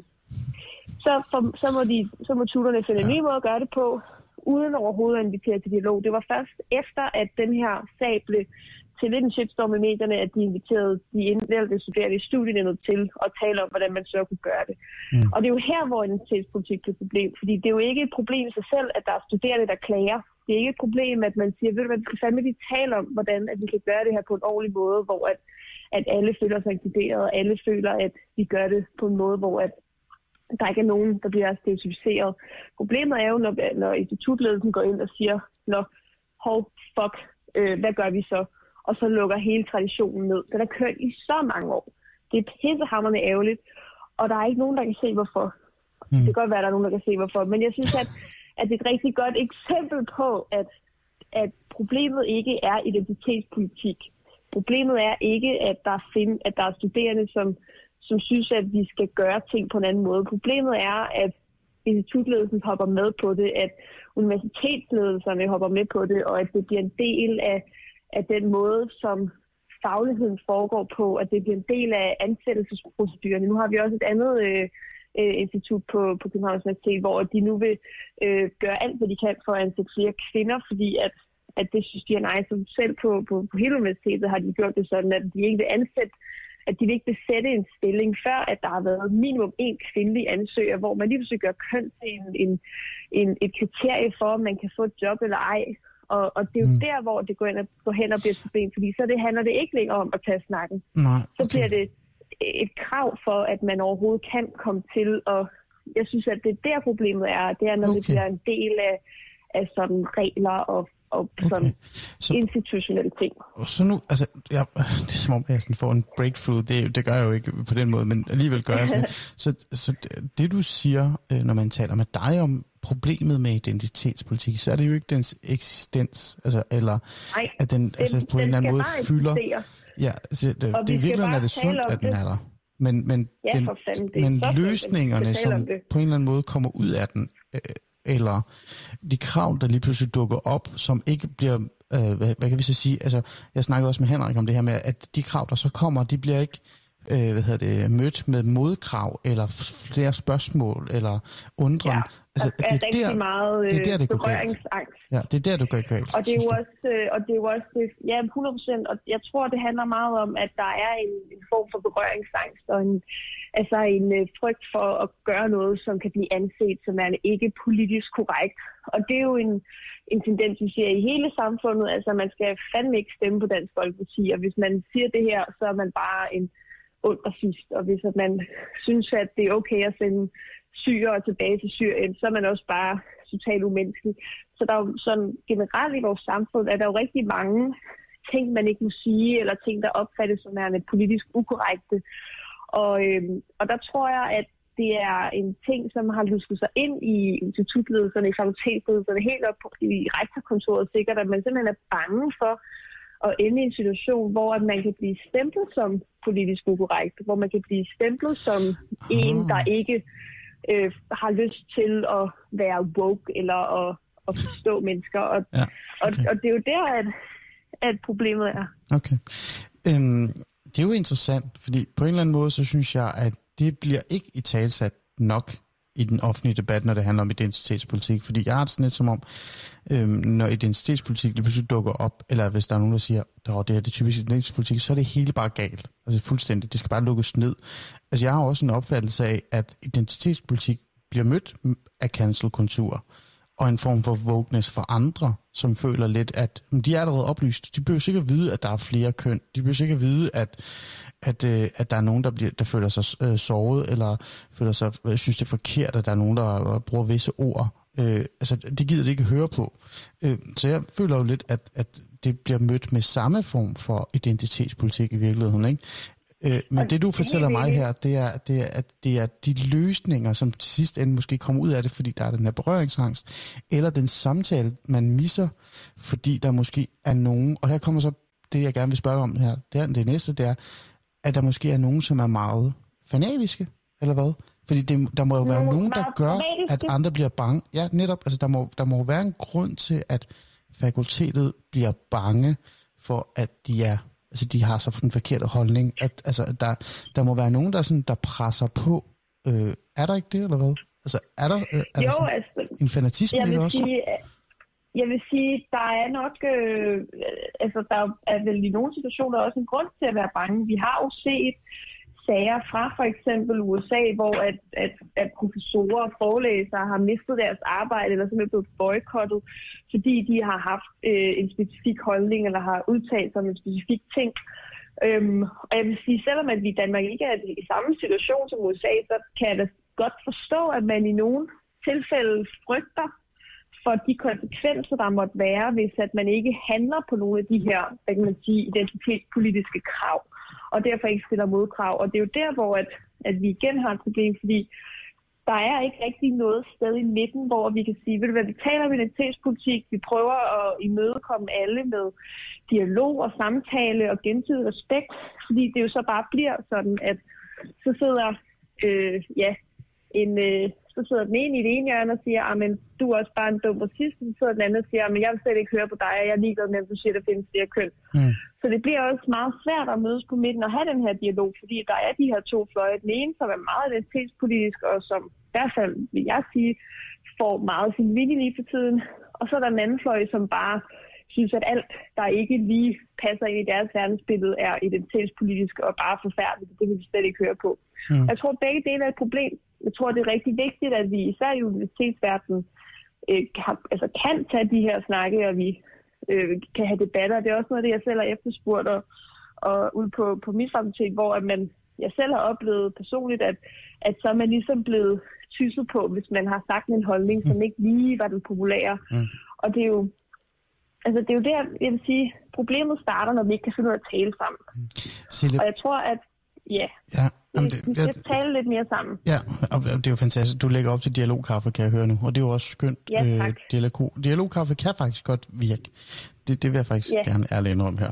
Øhm, det, det er sådan et eller andet sted, så bliver jeg nødt til sådan at, at lige at spørge dig om her nu. Det er sådan, øh, vi er jo sådan et eller andet sted kommet frem til, det gjorde jeg faktisk i virkeligheden også med Henrik Dahl, det her med identitetspolitik i sig selv i virkeligheden kan godt være noget positivt. Det kan det jo øh, bund og grund godt. Det er der, det, hvor det går galt, det er løsningerne, og, eller når den ikke bliver mødt med noget modstand eller nogle spørgsmål i den, for den sags skyld. Altså når ja. minoriteter bliver ved med at blive mere og mere minoriteter, altså, altså de graver sig ned i deres egen skyttegrav over for hinanden, og, øh, og på en eller anden måde mener, at det de står for, er det rette og det sande, og alle andre har misforstået det fuldstændigt. Øhm, altså, nu kommer en, en, en, en mærkelig ting, men alligevel ikke. Altså, da jeg gik på gymnasiet, øh, der, altså jeg gik på et gymnasie, der var vanvittigt rødt. Altså, det var rød ungdom og internationalister, og de var alle sammen altså, kommunister i bund og grund. Ikke? Øhm, men de blev mødt med modstand af min øh, samfundsfagslærer, Øh, han, ja. han spurgte altid sådan nogle, altså stillede en masse mærkelige spørgsmål, og så sagde jeg, så, så nævn et land, hvor det er gået godt med kommunisme i virkeligheden. Ikke? Og, sådan, og han drillede ja, ja. dem, men på en positiv måde. Øh, og, og det jeg prøver at sige, det er, den her form for rebelle øh, sådan ungdomsfølelse af, at man skal tilhøre noget, som er sådan meget fanatisk eller ekstrem, eller sådan kæmpe for et eller andet, som i virkeligheden også er skørt på, på nogen måde. Det er jo ikke noget nyt. Det har jo eksisteret i rigtig mange år. Øh, men er det nye så, at den her modstand, eller den her undren, eller det her spørgsmål fra øh, altså lærerne øh, for de ansvarlige, at den er sådan, den glipper, altså den er forsvundet, og så derfor så er der skabt yeah. sådan en eller anden form for øh, rum til, at man bare kan blive mere og mere yderliggående i virkeligheden?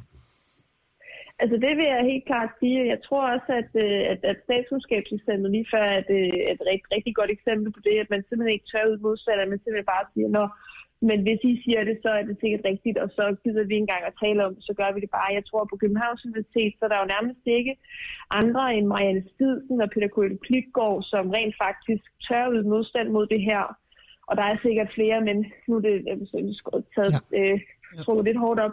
Men der, der er meget færre af sådan jeg vil sige, mennesker i, i underviserpositioner, for eksempel, nu taler vi jo om, om uddannelsesinstitutioner her, som også, altså som kan se det fra begge sider, og, og det er jo også blevet meget mere mainstream, hele den her woke-kultur, cancel culture. Og jeg tror også, at, at når det på den måde, som det er nu, er blevet så mainstream, så tror jeg, det er svært at yde den modstand, fordi at det jo er blevet normalt. Mm. Og det er også derfor, at det måske for mange er svært at, at se forskel på, på, på det, som er normalt, og så på det, som altså, rent faktisk kan være super skadeligt for vores frie samfund og vores frie tanke og frie mm. debat. Ja. Så, Ja, det, det, giver, ja. det giver mening. Øh, jeg vil bare gerne sådan, eller jeg vil bare mene, at jeg vil holde fast i, at den kommer fra begge fløje, altså både højre og venstre, for det er sådan lidt som om, at, ja, det gør den helt sikkert. at når den ikke bliver udfordret, og, og, den ikke, øh, altså, og den ikke bliver sådan mødt med en lille smule modstand, som så skal gøre, at der kommer noget undren eller noget, nogle refleksioner, øh, især unge, som er blevet fanget af den her identitetspolitiske dagsorden, så ender det med, at venstrefløjen provokerer det, altså højrefløjen, som så bliver endnu mere yderliggående. Og så står man jo bare sådan på hver sin fløj og bare altså nægter at tale med hinanden. Øhm, så jeg synes jo, at identitetspolitik findes på begge fløje. Øh, det var også det, jeg snakkede med Henrik om i virkeligheden. Men, men det er jo en helt anden samtale, og det er en længere samtale. Her til, øh, til sidst, øh, Sille, det er jo ikke fordi, nu skal du sådan et eller andet sted øh, løse alt for mig. Øh, og, så, og så måske alligevel.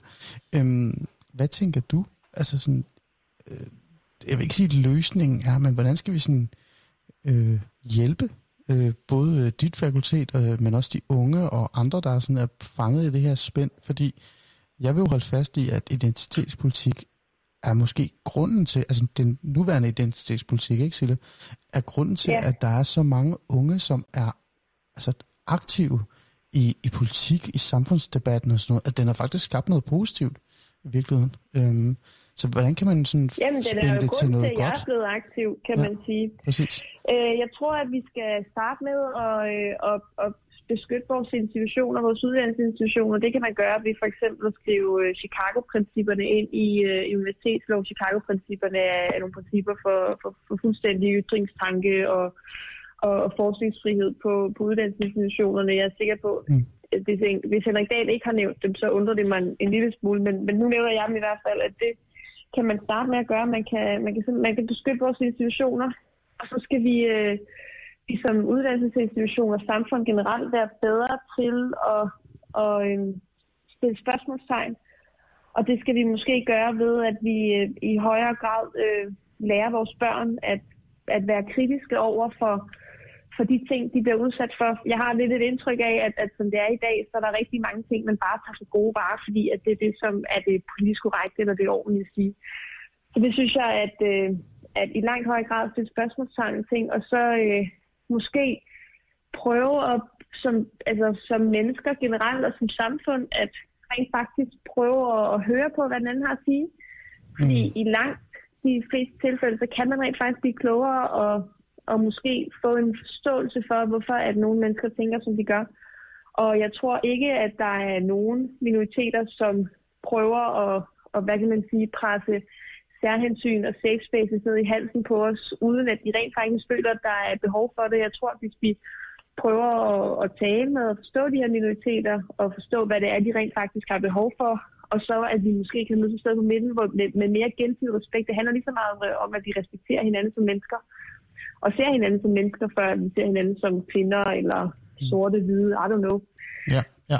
Så, så det, vil, det vil være min, min umiddelbare bud. Vi skal beskytte ja. vores institutioner, og så skal vi simpelthen være bedre til at tale sammen. Ja.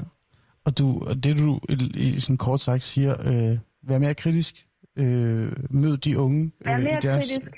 Ja, men mød de unge i deres nysgerrighed, og så anerkend, ja. altså anerkend, at de gerne vil anerkendes, men ja. hold fast i, at, at, at alle skal have... Lige ja. præcis. Ja, altså alle skal have ret til at blive at gøre det på en måde, hvor at alle skal gøre på en bestemt måde. Altså gør det på en fleksibel, medmenneskelig måde. Okay, super. Øhm, tak, Sille. Det synes jeg faktisk var meget... Øh, det var faktisk en god sætning at slutte af på. Øhm, Sille, hvis man, øh, hvis man skal læse mere om dig, så skal man bare google dig. Er det ikke rigtigt? Der er masser at læse.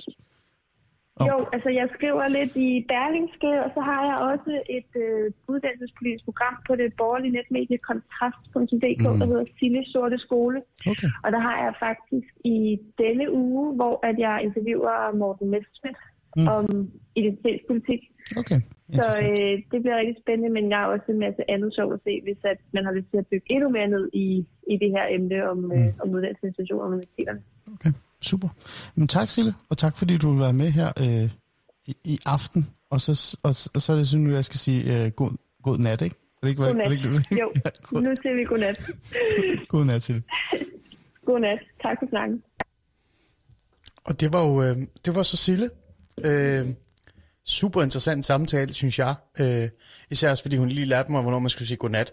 Øh, jeg, ved, jeg ved ikke, hvad de havde gang i, det vi talte sammen.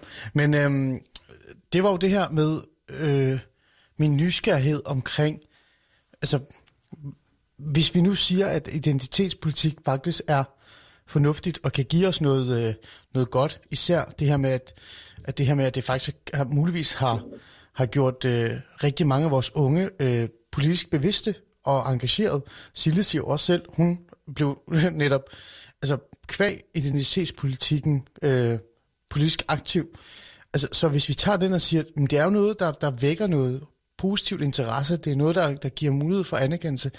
Øhm, hvis vi siger det, hvad er det så, der, der gør, at det bliver, det bliver skidt? Og det var jo det, netop det, vi talte om, det her med, med Sille, og det er jo super interessant at høre Silles refleksioner i forhold til, hvad det er, der så sørger for, at det bliver, altså det på en eller anden måde går i, øh, i stykker.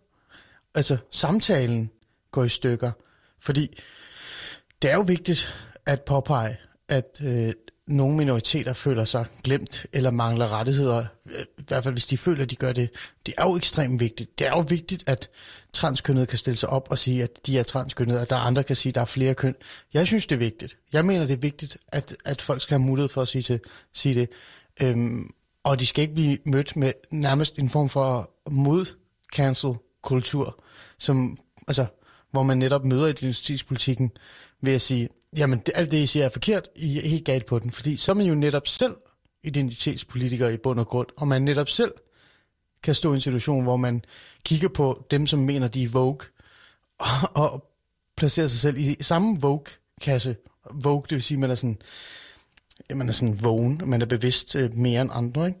Øhm, så, så samtalen er jo vigtig. Altså det er jo det, Sille kommer ind på. Øh, og det er jo der, den ender galt. Og det synes jeg jo er interessant, øh, når vi snakker om det her med identitetspolitik. Altså, at øh, det er positivt, men samtalen går galt. Øhm, og at de mennesker, der er med til at ødelægge samtalen, nogle gange i sig selv ikke er bevidst omkring, at de gør det. Eller også er de bevidste om det, og bruger det faktisk til at provokere den anden side. Øh, er det så skidt, eller godt, eller positivt, eller negativt?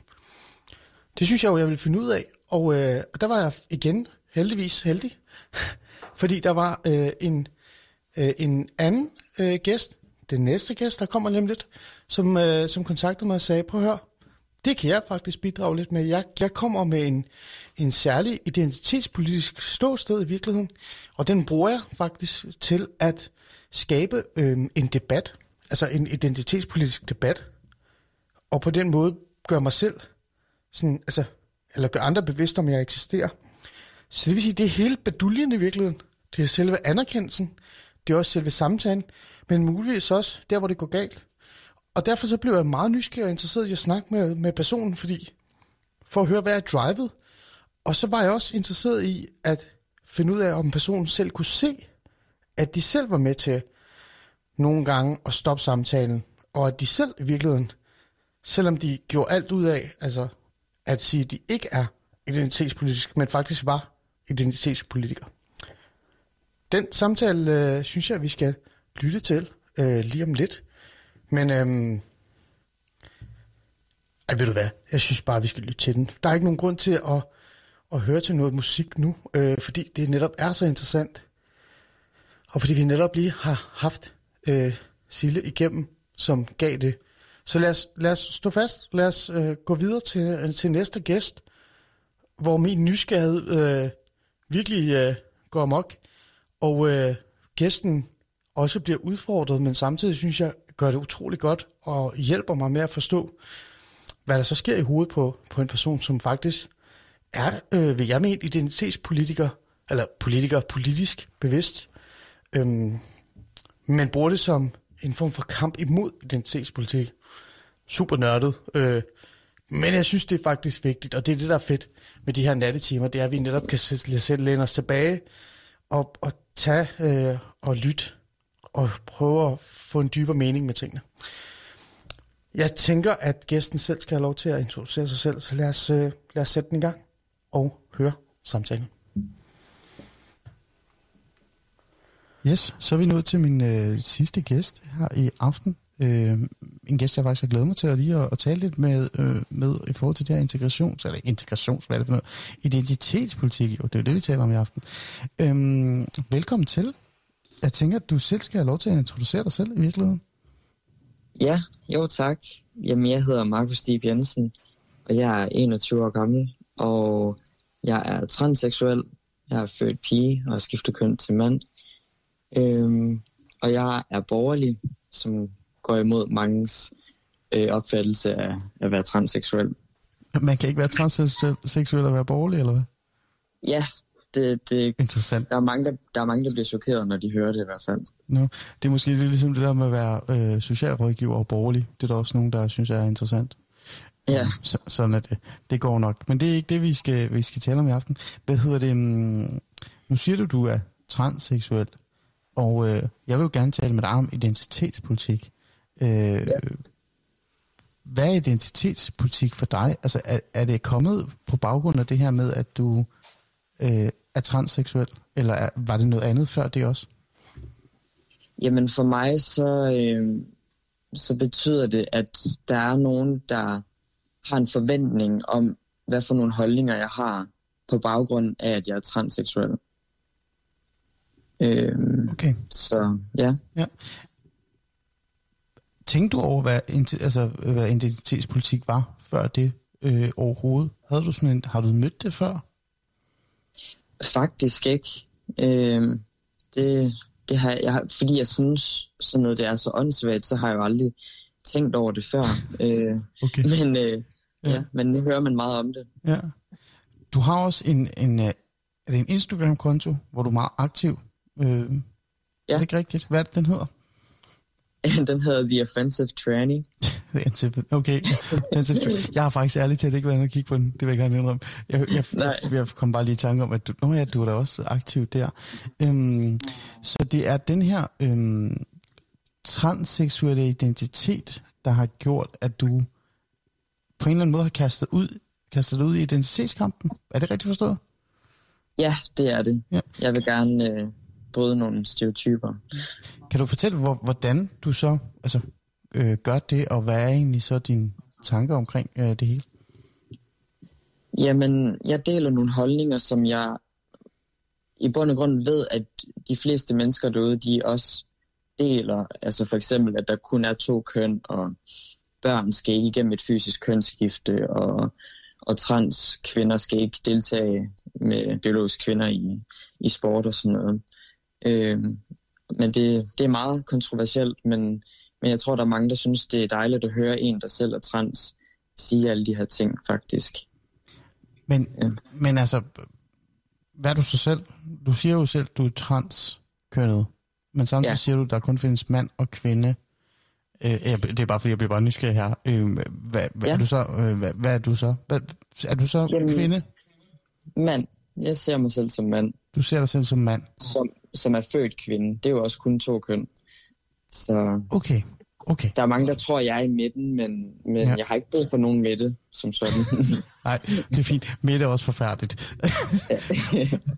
Okay, så er det på plads. Øh, og det er jo fordi, at det, det synes jeg bare er interessant, det der med, hvad er ens øh, indgangsvinkel i hele den identitetspolitik, eller samtalen omkring det. Øhm, nogen vil jo mene, og det er ikke engang nogen, altså jeg vil endda sige, at øh, Henrik Dahl for eksempel i aften har talt med mig om det her med identitetspolitik i virkeligheden handler om anerkendelse. Altså identitetspolitik er ikke noget nyt, det har eksisteret længe. Øh, det har eksisteret siden 1800-tallet, som jeg også var inde på her.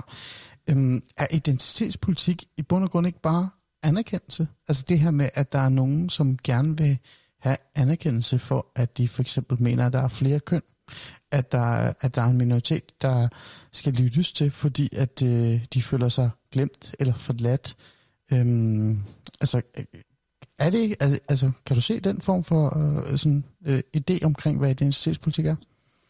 Mm, jo, det kan jeg faktisk godt, og jeg tror også, der er mange, der gerne, at de søger sådan miljøer.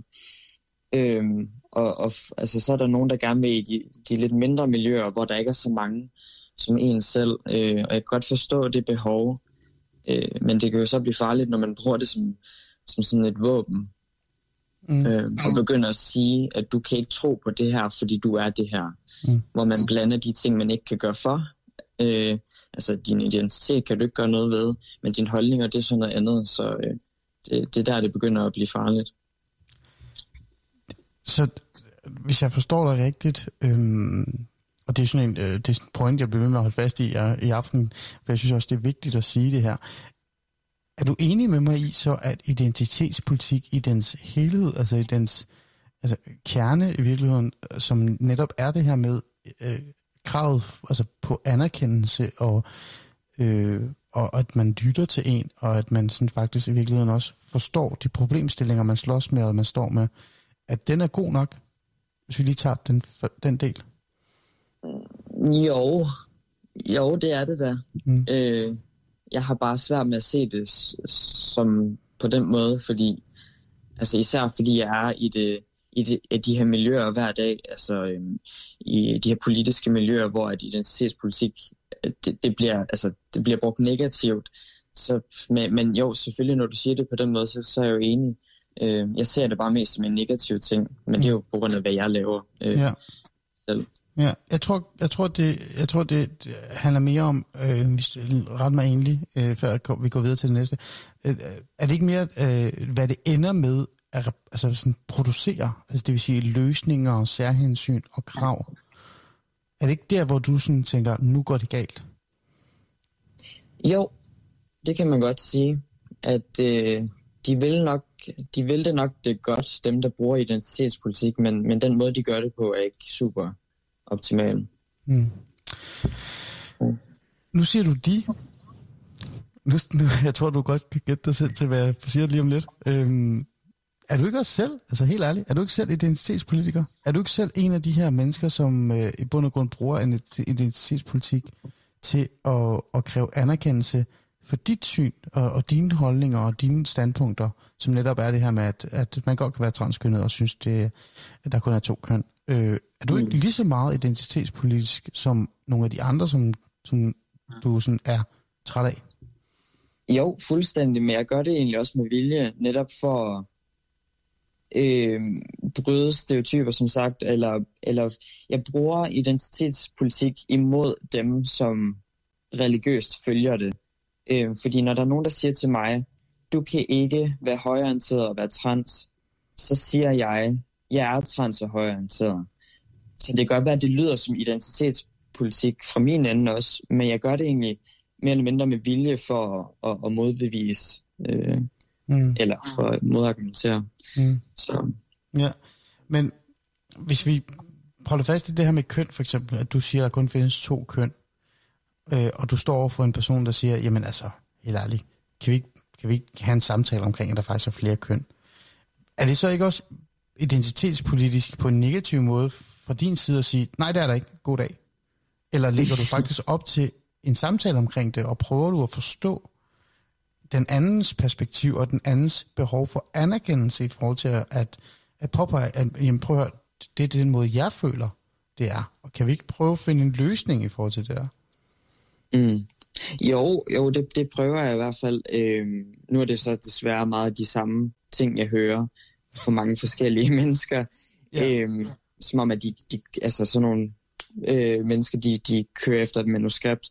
Øhm, men jeg plejer faktisk, eller har i hvert fald i starten prøvet at gå i dybden med det, øh, sådan og, og, og se på det rent objektivt, om, om det overhovedet giver mening, der skulle være mere end to køn, eller, eller med det her non-binær, at, at hvad er det egentlig for noget, og øh, er, det et reelt, øh, er det en reel identitet og sådan noget. Så, det, så jeg prøver faktisk også nogle gange at holde følelserne ud af det, øh, og bare kigger på det rent logisk, giver det her mening. Men du er åben for samtalen? Er det, det du siger? Fuldstændig, altså så længe at den anden person øh, også, også viser lidt respekt. Ja, ja. ja, ja. Det, det er tit, jeg ikke møder det. Ja. Two-way street, som man så smukt siger på, på engelsk. Men, ja. men, men altså, jeg bliver nødt til sådan at et eller andet sted holde fast i det her, for jeg synes, det er et interessant emne at tage med dig, for nu, nu er du jo også selv øh, transkønnet. Det var det første, du sagde til mig, det var, at du er transkønnet, og du, du synes, der er kun to køn, ikke? Eller du mener det. Øhm, mm. Og det, det er jo din holdning, det er jo helt fint. Men er der ikke også noget øh, identitetspolitik på den negative, altså den negative forstand, eller negative side, det der med, at du er en af dem, som fastholder, at ligegyldigt hvad andre siger, så er din holdning mere rigtig. Er du i bund og grund ikke også en lille smule vogue? Bare sådan for at være lidt fræk og sige, altså over for andre i virkeligheden?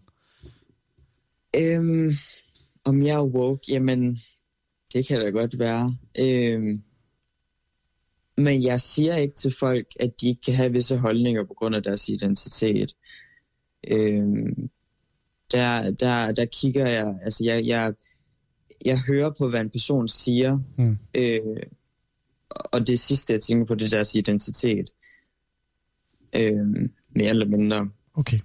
Så det du, synes jeg er mere vigtigt. Ja, så du siger et eller andet, jeg skal bare forstå dig rigtigt, så du siger, at hvis du står over for en gruppe, som siger, vi vil gerne bruge forskellige former for køn, øh, men vi kræver ikke, at du skal, men det vil vi gerne have retten til. Og vi vil gerne lave en regel, der hedder, at hvis der er nogen i samfundet, som synes, det er vigtigt for dem at bruge de forskellige køn, så skal de have lov til det. Men det skal ikke være noget, alle skal forholde sig til, og alle skal. Så vil du sige til dem, jeg giver dig den anerkendelse, fordi du giver mig den anerkendelse, der hedder, at jeg synes noget andet end dig. Og du presser mig ikke ud til et eller andet. Altså, er det rigtigt forstået så? Ja, ja, fuldstændig. Øhm, selvfølgelig, hvis der kommer lovgivning og sådan noget oven i det, så har jeg, har jeg lyst til at sige noget, men, men altså, man skal have retten til sin, til sin holdning, og også at identificere sig, som man vil. Altså, jeg skal ikke blande mig i, hvad et individ gør øh, bag lukket dør, men, men så længe man begynder at komme med aktivistiske holdninger, så, så kan jeg godt lidt, øh, så kan jeg godt lide at, at, at debattere. Øh, men selvfølgelig, altså hvis man respekterer mig, så respekterer jeg dig. Mm, ja, så det er respekten, de kommer tilbage på, altså tilbage til for, med dig i hvert fald for dig. Øh, i forhold jo, til det. Ja. jo, det betyder noget, ja. Det, gør det. Øhm, det jeg også talt med de andre om, øh, det er jo noget, jeg selv er interesseret i, det er det her med identitetspolitikken på fløjene. Nu siger du, nu siger du, du er en del af den, af den borgerlige fløj og øh, højrefløjen, øhm, og det, og det siger du med stolthed, det er jo ikke fordi, der er noget galt i det, det synes du, øh, og det er det, der er vigtigt for dig. Jeg øh, har jo den her tese, eller den her idé om, øh, at identitetspolitikken er lige så stærkt repræsenteret på venstrefløjen, som den er på højrefløjen. Altså det, det er på begge sider i, virkeligheden, det her, øh, det findes. Og øh, det man kan sige, det er, at det er jo ikke sådan en høne ægget samtale overhovedet, men det der med, at begge fløje er med til at skabe den her polarisering, altså den her form for skyttegravning i forhold til identitetspolitikken, fordi de netop står fast i, at de er mest vogue, at de mest har de, altså de har de rigtige, øh, den rigtige, øh, hvad hedder det, løsning og de sandhederne og det her ting. Øhm, kan du genkende det? Kan du, kan du, synes du, det jeg siger her giver mening for dig, eller synes du, det primært er en specifik fløj, der kører en eller anden kamp, og så reagerer andre? Mm, jo, altså... Ej, jeg synes ikke, det er lige så slemt på højrefløjen. Måske er jeg bare blind, øh, fordi jeg selv er en del af det, men... Du er privileged. Du kan høre, ikke? Jeg at gøre dig til sådan en rigtig identitetspolitisk. Du er vogue, du er privileged, du, er, du bruger cancel culture. Øh, ej, ja. jeg skal nok lade være. Ej, det, ej jeg, jeg synes godt nok, det, det, det er slemt på venstrefløjen, mm. og, og, og selvfølgelig højrefløjen er og vil aldrig være perfekt, men, men jeg synes, problemet på venstrefløjen er langt øh, større end, end, end højrefløjen, hvis jeg skulle være helt ærlig. Mm. Men kan du se det, jeg siger det her med, at, at det nytter jo ikke, at hvis vi står med en... Fordi lad os, lad os face it, altså, øhm, øhm, en stor procentdel af, af de unge, øh, når de er unge, øh, da jeg også var ung, vi er sådan lidt rebelske, vi er sådan lidt øh, humanistiske, vi skal redde verden, og det hele er bare fantastisk. Og der er rigtig mange, der falder ned i den her socialistiske venstrefløjskasse, og så når de bliver ældre, så bliver de borgerlige, og så sidst så ender det bliver sådan noget meget, meget mærkeligt. Ikke? Øh, så, så, så der er bare måske mange unge, som dyrker den her øh, aktivisme, fordi det netop bare er en ung stadie. Øhm, mm. Så derfor så kan det godt være, at du siger det her med, at der er en stor repræsentation af identitetspolitik i venstrefløjen. Men jeg vil bare mene, at højrefløjen og den højrefløj, der bliver større, fordi at der er den her fokus på venstrefløjens identitetspolitik, den gør ingen gavn, fordi den netop stiller sig op og siger, at alt det, I siger, det er forkert. Øh, der findes kun to køn. Det er bare ærgerligt. I er øh, skinnerne øh, skøre, og vi har sandheden i virkeligheden, og I ødelægger samfundet. Kan du ikke se, at, at, at det måske er en, en... Der er ikke nogen samtale i det, øh, når det mm. er sådan? Jo.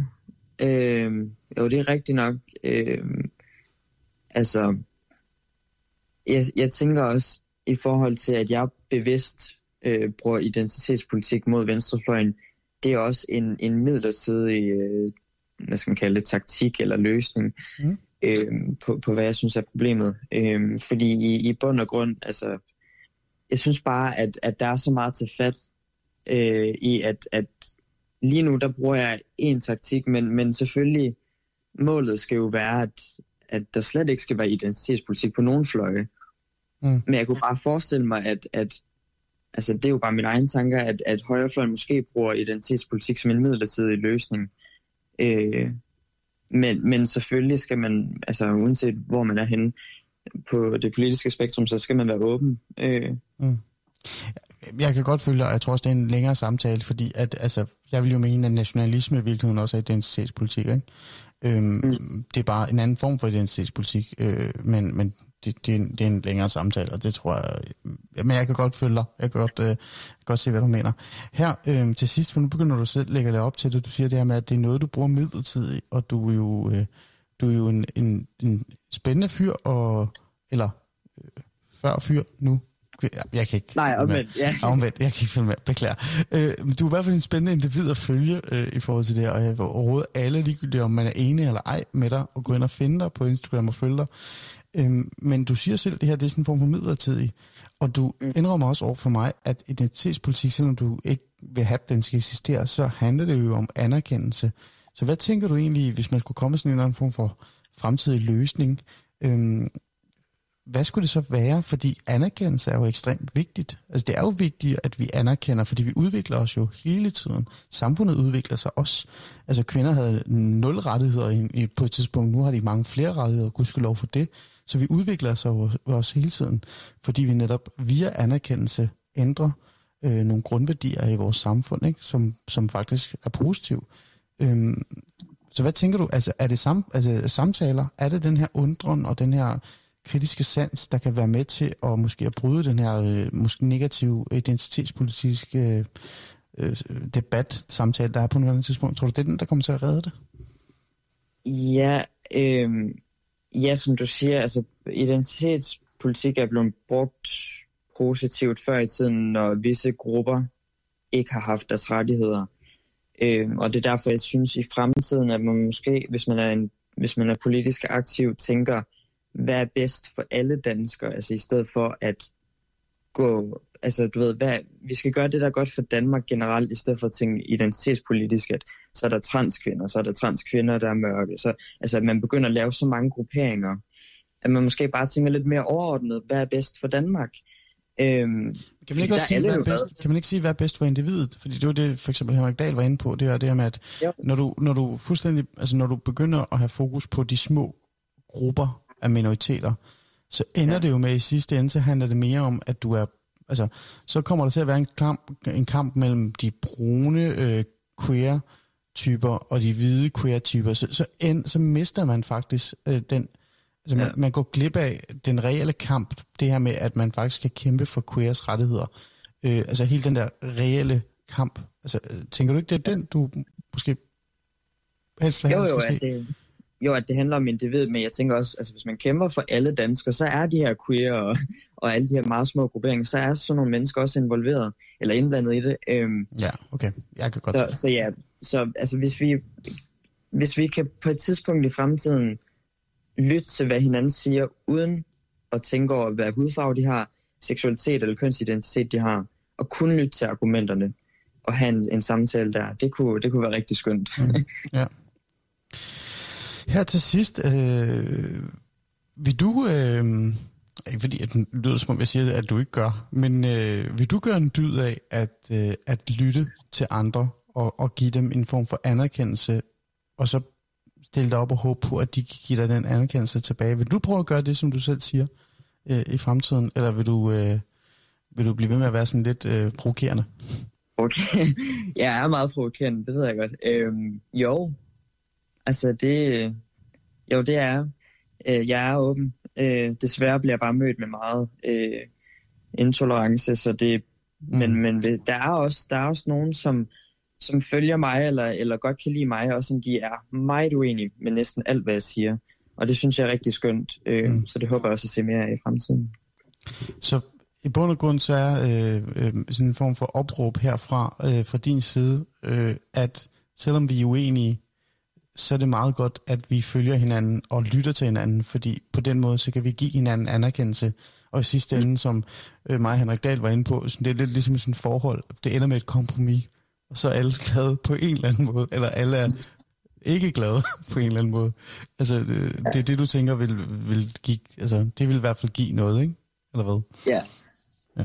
Og gensidig respekt. Og gensidig respekt vil du være gensidig respekt er et rigtig godt, øh, en rigtig god sætning, øh, hvad nu kaldes, øh, at slutte af med. Øh, vil du være, jeg vil sige uh, tak, fordi du vil være, være med i aften. Øh, prøv lige at komme med den igen. Hvad var det, den hed? Øh, en Instagram-konto, hvis man gerne vil ind og, og blive lidt udfordret øh, i forhold yeah. til ens holdninger. Uh, the Offensive Tranny med Y til sidst. Altså, okay. Ja. Ja, det, det, jeg tror allerede nu, bare da de hørte det, Markus, så bliver folk en lille smule... Øh, provokeret. ja, provokeret. Men ved I hvad? det, det er netop det, I skal gøre. Når I bliver provokeret, så skal I blive mere nysgerrige og mere interesseret. Og så det ligegyldigt, om man er højre, venstrefløj, eller hvad hulen med der. Det er i hvert fald det råd, jeg vil give med. Jeg tror, Markus, det er du lidt enig med mig i. Er du ikke det? Fuldstændig. Ja. Tak, Markus, fordi du vil være med i nat øh, og hjælpe mig med at finde rundt i identitetspolitik. Ja, selv tak. Og det var så min, øh, min gæst, øh, Markus, som øh, blev lidt udfordret øh, i forhold til det her med, at, øh, at han et eller andet sted øh, øh, havde den her idé om, at øh, identitetspolitik var noget værre vås, og han netop ville have en, en kamp øh, med den, øh, imod den. Men, øh, men i virkeligheden også selv var en del af den. Og i virkeligheden selv, øh, som han også selv sagde, var blevet inspireret af den til at blive politisk aktiv, og øh, godt kunne se, at, at, øh, at nogle gange så ville det også blive, altså det ville blive vanskeligt, hvis det var, at man stod på den her position, hvor man nærmest modarbejdede den, fordi man netop endte med at selv at være på en måde vogue, altså det man gerne vil modarbejde, at man netop selv kunne ende med at være den, der øh, smider cancel culture over på nogen, som i bund og grund bare gerne vil anerkendes og vil lyttes til. Øhm, det er jo den her balance, der er så speciel og interessant med, med, øhm, med identitetspolitikken og hvad den vil. Ikke? Øh, det har været tre spændende samtaler, og det har jo brug for en afrunding, og den tror jeg, den kommer lige om lidt, øh, om snart. Vi skal lige høre, en, en sang, og så, og så skal jeg nok selv komme med den her afrunding, som jeg på en eller anden måde er kommet frem til, efter at have hørt de her samtaler. Øh, men, men det, jeg synes, der har været vigtigt med at, altså det her med at, at prøve at finde ud af, hvad er der mere i identitetspolitik, end det vi normalt øhm, forholder os til. Altså sådan det her med, at øh, den her Altså jeg vil mene, vi, altså når, man, når man taler om identitetspolitik, så er fokus altid på de løsninger, som ender skidt. Altså det der med de krav, der kommer ud af den. Jeg synes, det har været interessant i nat at, at spænde lidt tilbage og så sige, hvad er egentlig identitetspolitik, øh, eller identitetskampen øh, i virkeligheden, og, og hvad, hvad den tager med sig, og hvor er det så på en eller anden måde, det, det, det ender galt. Altså at det ender over i noget andet, end det det burde øh, ende i. Øh, øh jeg ved ikke, burde, men kunne ende i, som er sådan det her med løsningsorienteret. Ikke? Øhm, det synes jeg har været interessant. Og øh, og så tænker jeg, at jeg lige venter med at fortælle, hvad jeg sådan på en eller anden måde har fået ud af, af natten, som jeg også håber, I har fået ud af natten og det her emne. Øhm, til vi har hørt øh, en sang, endnu en sang. Det er jo nat. Vi skal jo have lidt musik ind. Og øh, den her sang, synes jeg, er, er også rigtig god. Nu er det jo mig, der bestemmer jo i virkeligheden. Hans Philip, han øh, er jo en sjov øh, kunstner, øh, musiker, sanger. Han, øh, første gang jeg lagde mærke til ham, det var, da han var øh, sanger i bandet Ukendt øh, Kunstner. Det var øh, for mig ikke noget nyt, men øh, noget interessant og anderledes. Det var en form for pop, hip-hop, er, nu, er der nogen, der bliver super på mig, men det er sådan øh, hip-hop med forskellige nuancer, end det, man er vant til, end det, man hører meget nu, som er meget sådan street hip-hop, ghetto hip-hop, kan der nogen, der vil kalde det. Øhm, det her, det var noget, der var virkelig interessant og, og, og spændende, og noget, jeg virkelig blev stor fan af. Det var der mange af os, der blev jo. Men ukendt kunstnere øh, stoppede jo desværre. De fandt på noget andet at lave. De øh, var kommet til et sted, hvor de følte, at de ikke rigtig kunne være der. Måske var de igennem en identitetskrise, det ved jeg ikke. I don't know. Men Hans Philip er jo ikke stoppet. Han er faktisk bare blevet ved med at producere musik. Og øh, en af hans øh, sange, som også er, synes jeg er lidt relevant lige nu, når det er nat, og vi ligger der og på grænsen af at falde i søvn og få nogle skønne drømme forhåbentlig, nok ikke om identitetspolitik, håber jeg, det er jo netop som en drøm med Hans Philip. Så øhm, nu sætter jeg den på, og så nyder vi den, så kommer vi tilbage til en form for konklusion efterfølgende. Lyt med her.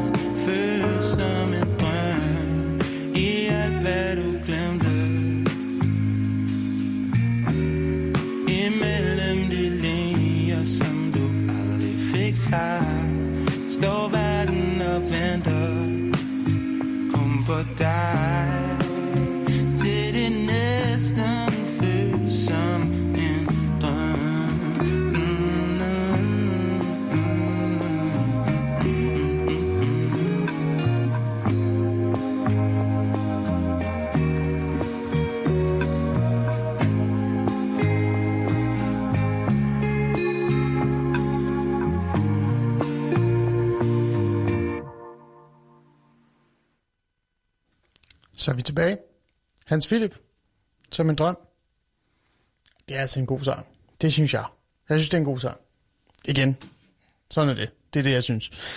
Øhm, identitetspolitik. De sidste ord for aften for mig.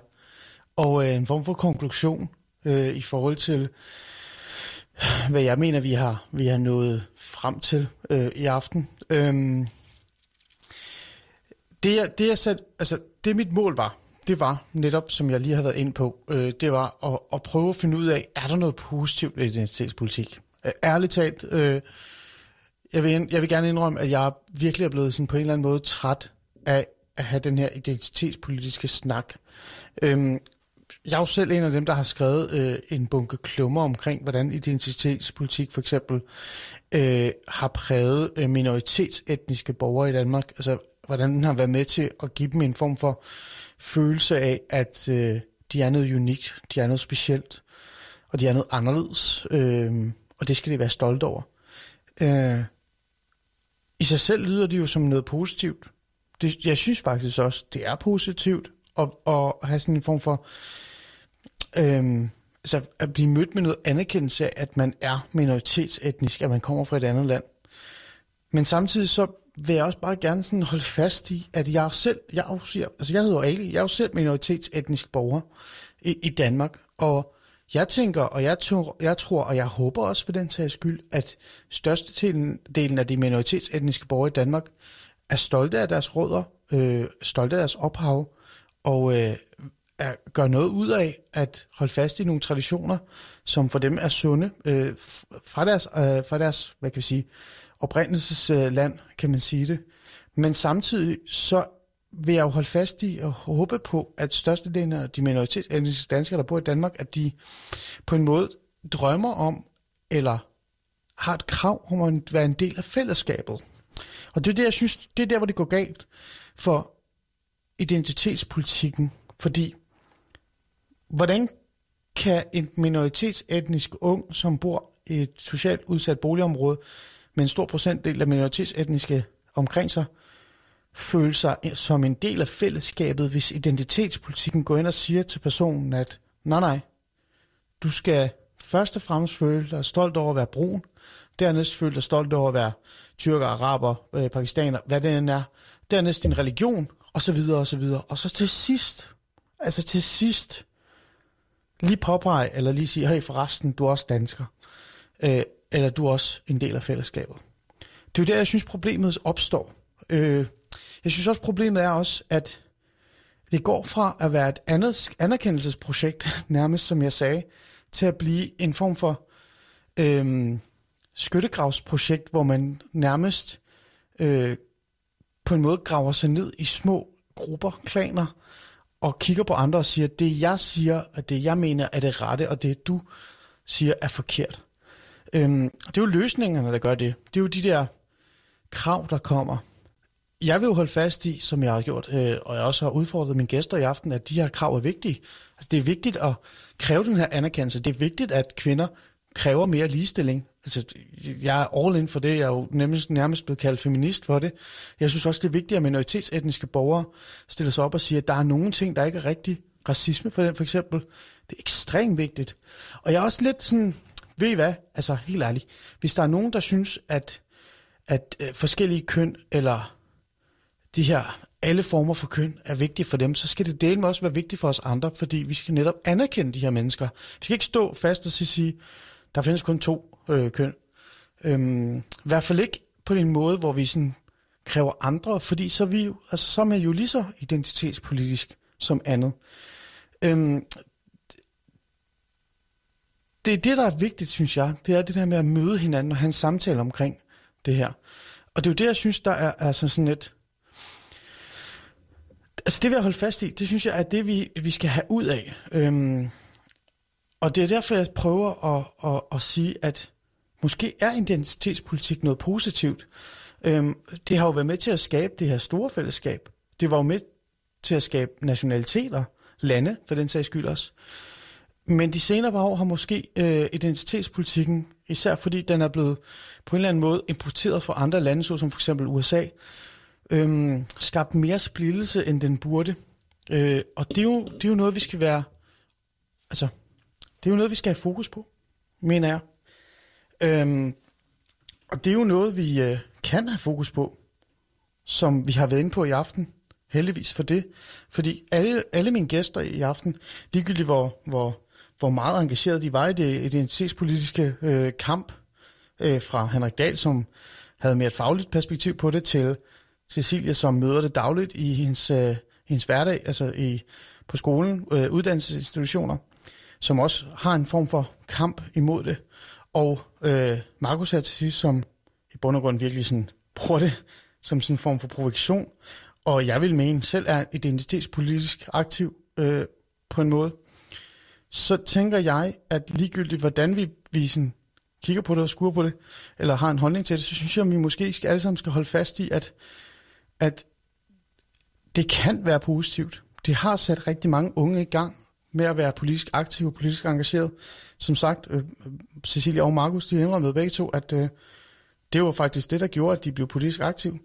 Så altså, jeg tænker, hvis vi nu prøver, øh, som om, at øh, altså sådan et, øh, det kan lade sig gøre øh, bare i morgen, men hvis vi nu prøver fremadrettet at have sådan et, en form for fokus på selve samtalen, på løsningerne, og, og så selvfølgelig også sørge for, at vores uddannelsesinstitutioner og vores lærere og alle de andre tør, altså have det frirum og tør udfordre vores unge, når de kommer med deres krav og deres ønsker, og få dem til at reflektere lidt over, at, at de ønsker og de krav, de har i forhold til specifikke ting, at de ikke behøver at være så absolute. Så tror jeg, så tænker jeg, at, at identitetspolitikken måske kan ende med at styrke os en lille smule. Jeg ved det ikke. Det er måske et ønske, jeg har. Øh, jeg tør ikke sige det. Jeg håber måske på det. Og med det ord, så vil jeg måske bare sige, at øh, det er mit ønske, og det er mit håb. Og sige tak for i aften. Tak fordi I lyttede med. Husk, I kan finde øh, Alice Stemmer øh, som podcast, der hvor I finder jeres øh, yndlingspodcasts. Øh, det er meget nemt. Så gå derhen og find os. Der er en masse andre øh, afsnit, I kan høre, til, øh, høre med til. Og øh, jeg tror, jeg vil sætte en sang på. Ren med William, Carl William. Og så vil jeg slutte øh, natten af med den. Godnat til alle sammen, og husk nu, det kan godt være noget positivt, det her identitetspolitik. Det handler jo i bund og grund bare om anerkendelse.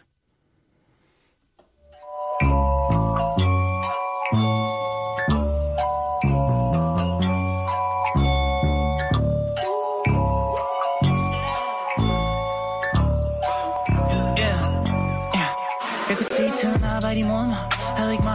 meget mere mit hovedsnak. Hør mig selv sige, kig på det udefra. Det var tydeligt at se, der var noget der. Bare i vej, det havde ret sne mod mig. Plejede at fyne mig tilpas, når mit blod var Fyldt op med diverse passioner. Små doser, der flød i min blodkar. Nu jeg ved at være ren i mit indre Jeg kan se Gud kigge gennem vinduet. Og hun siger, at det eneste, der mangler Er mit hjerte har brug for din båd Mit hjerte har brug for din båd Så mit hjerte har brug for din båd Så mit hjerte har brug for din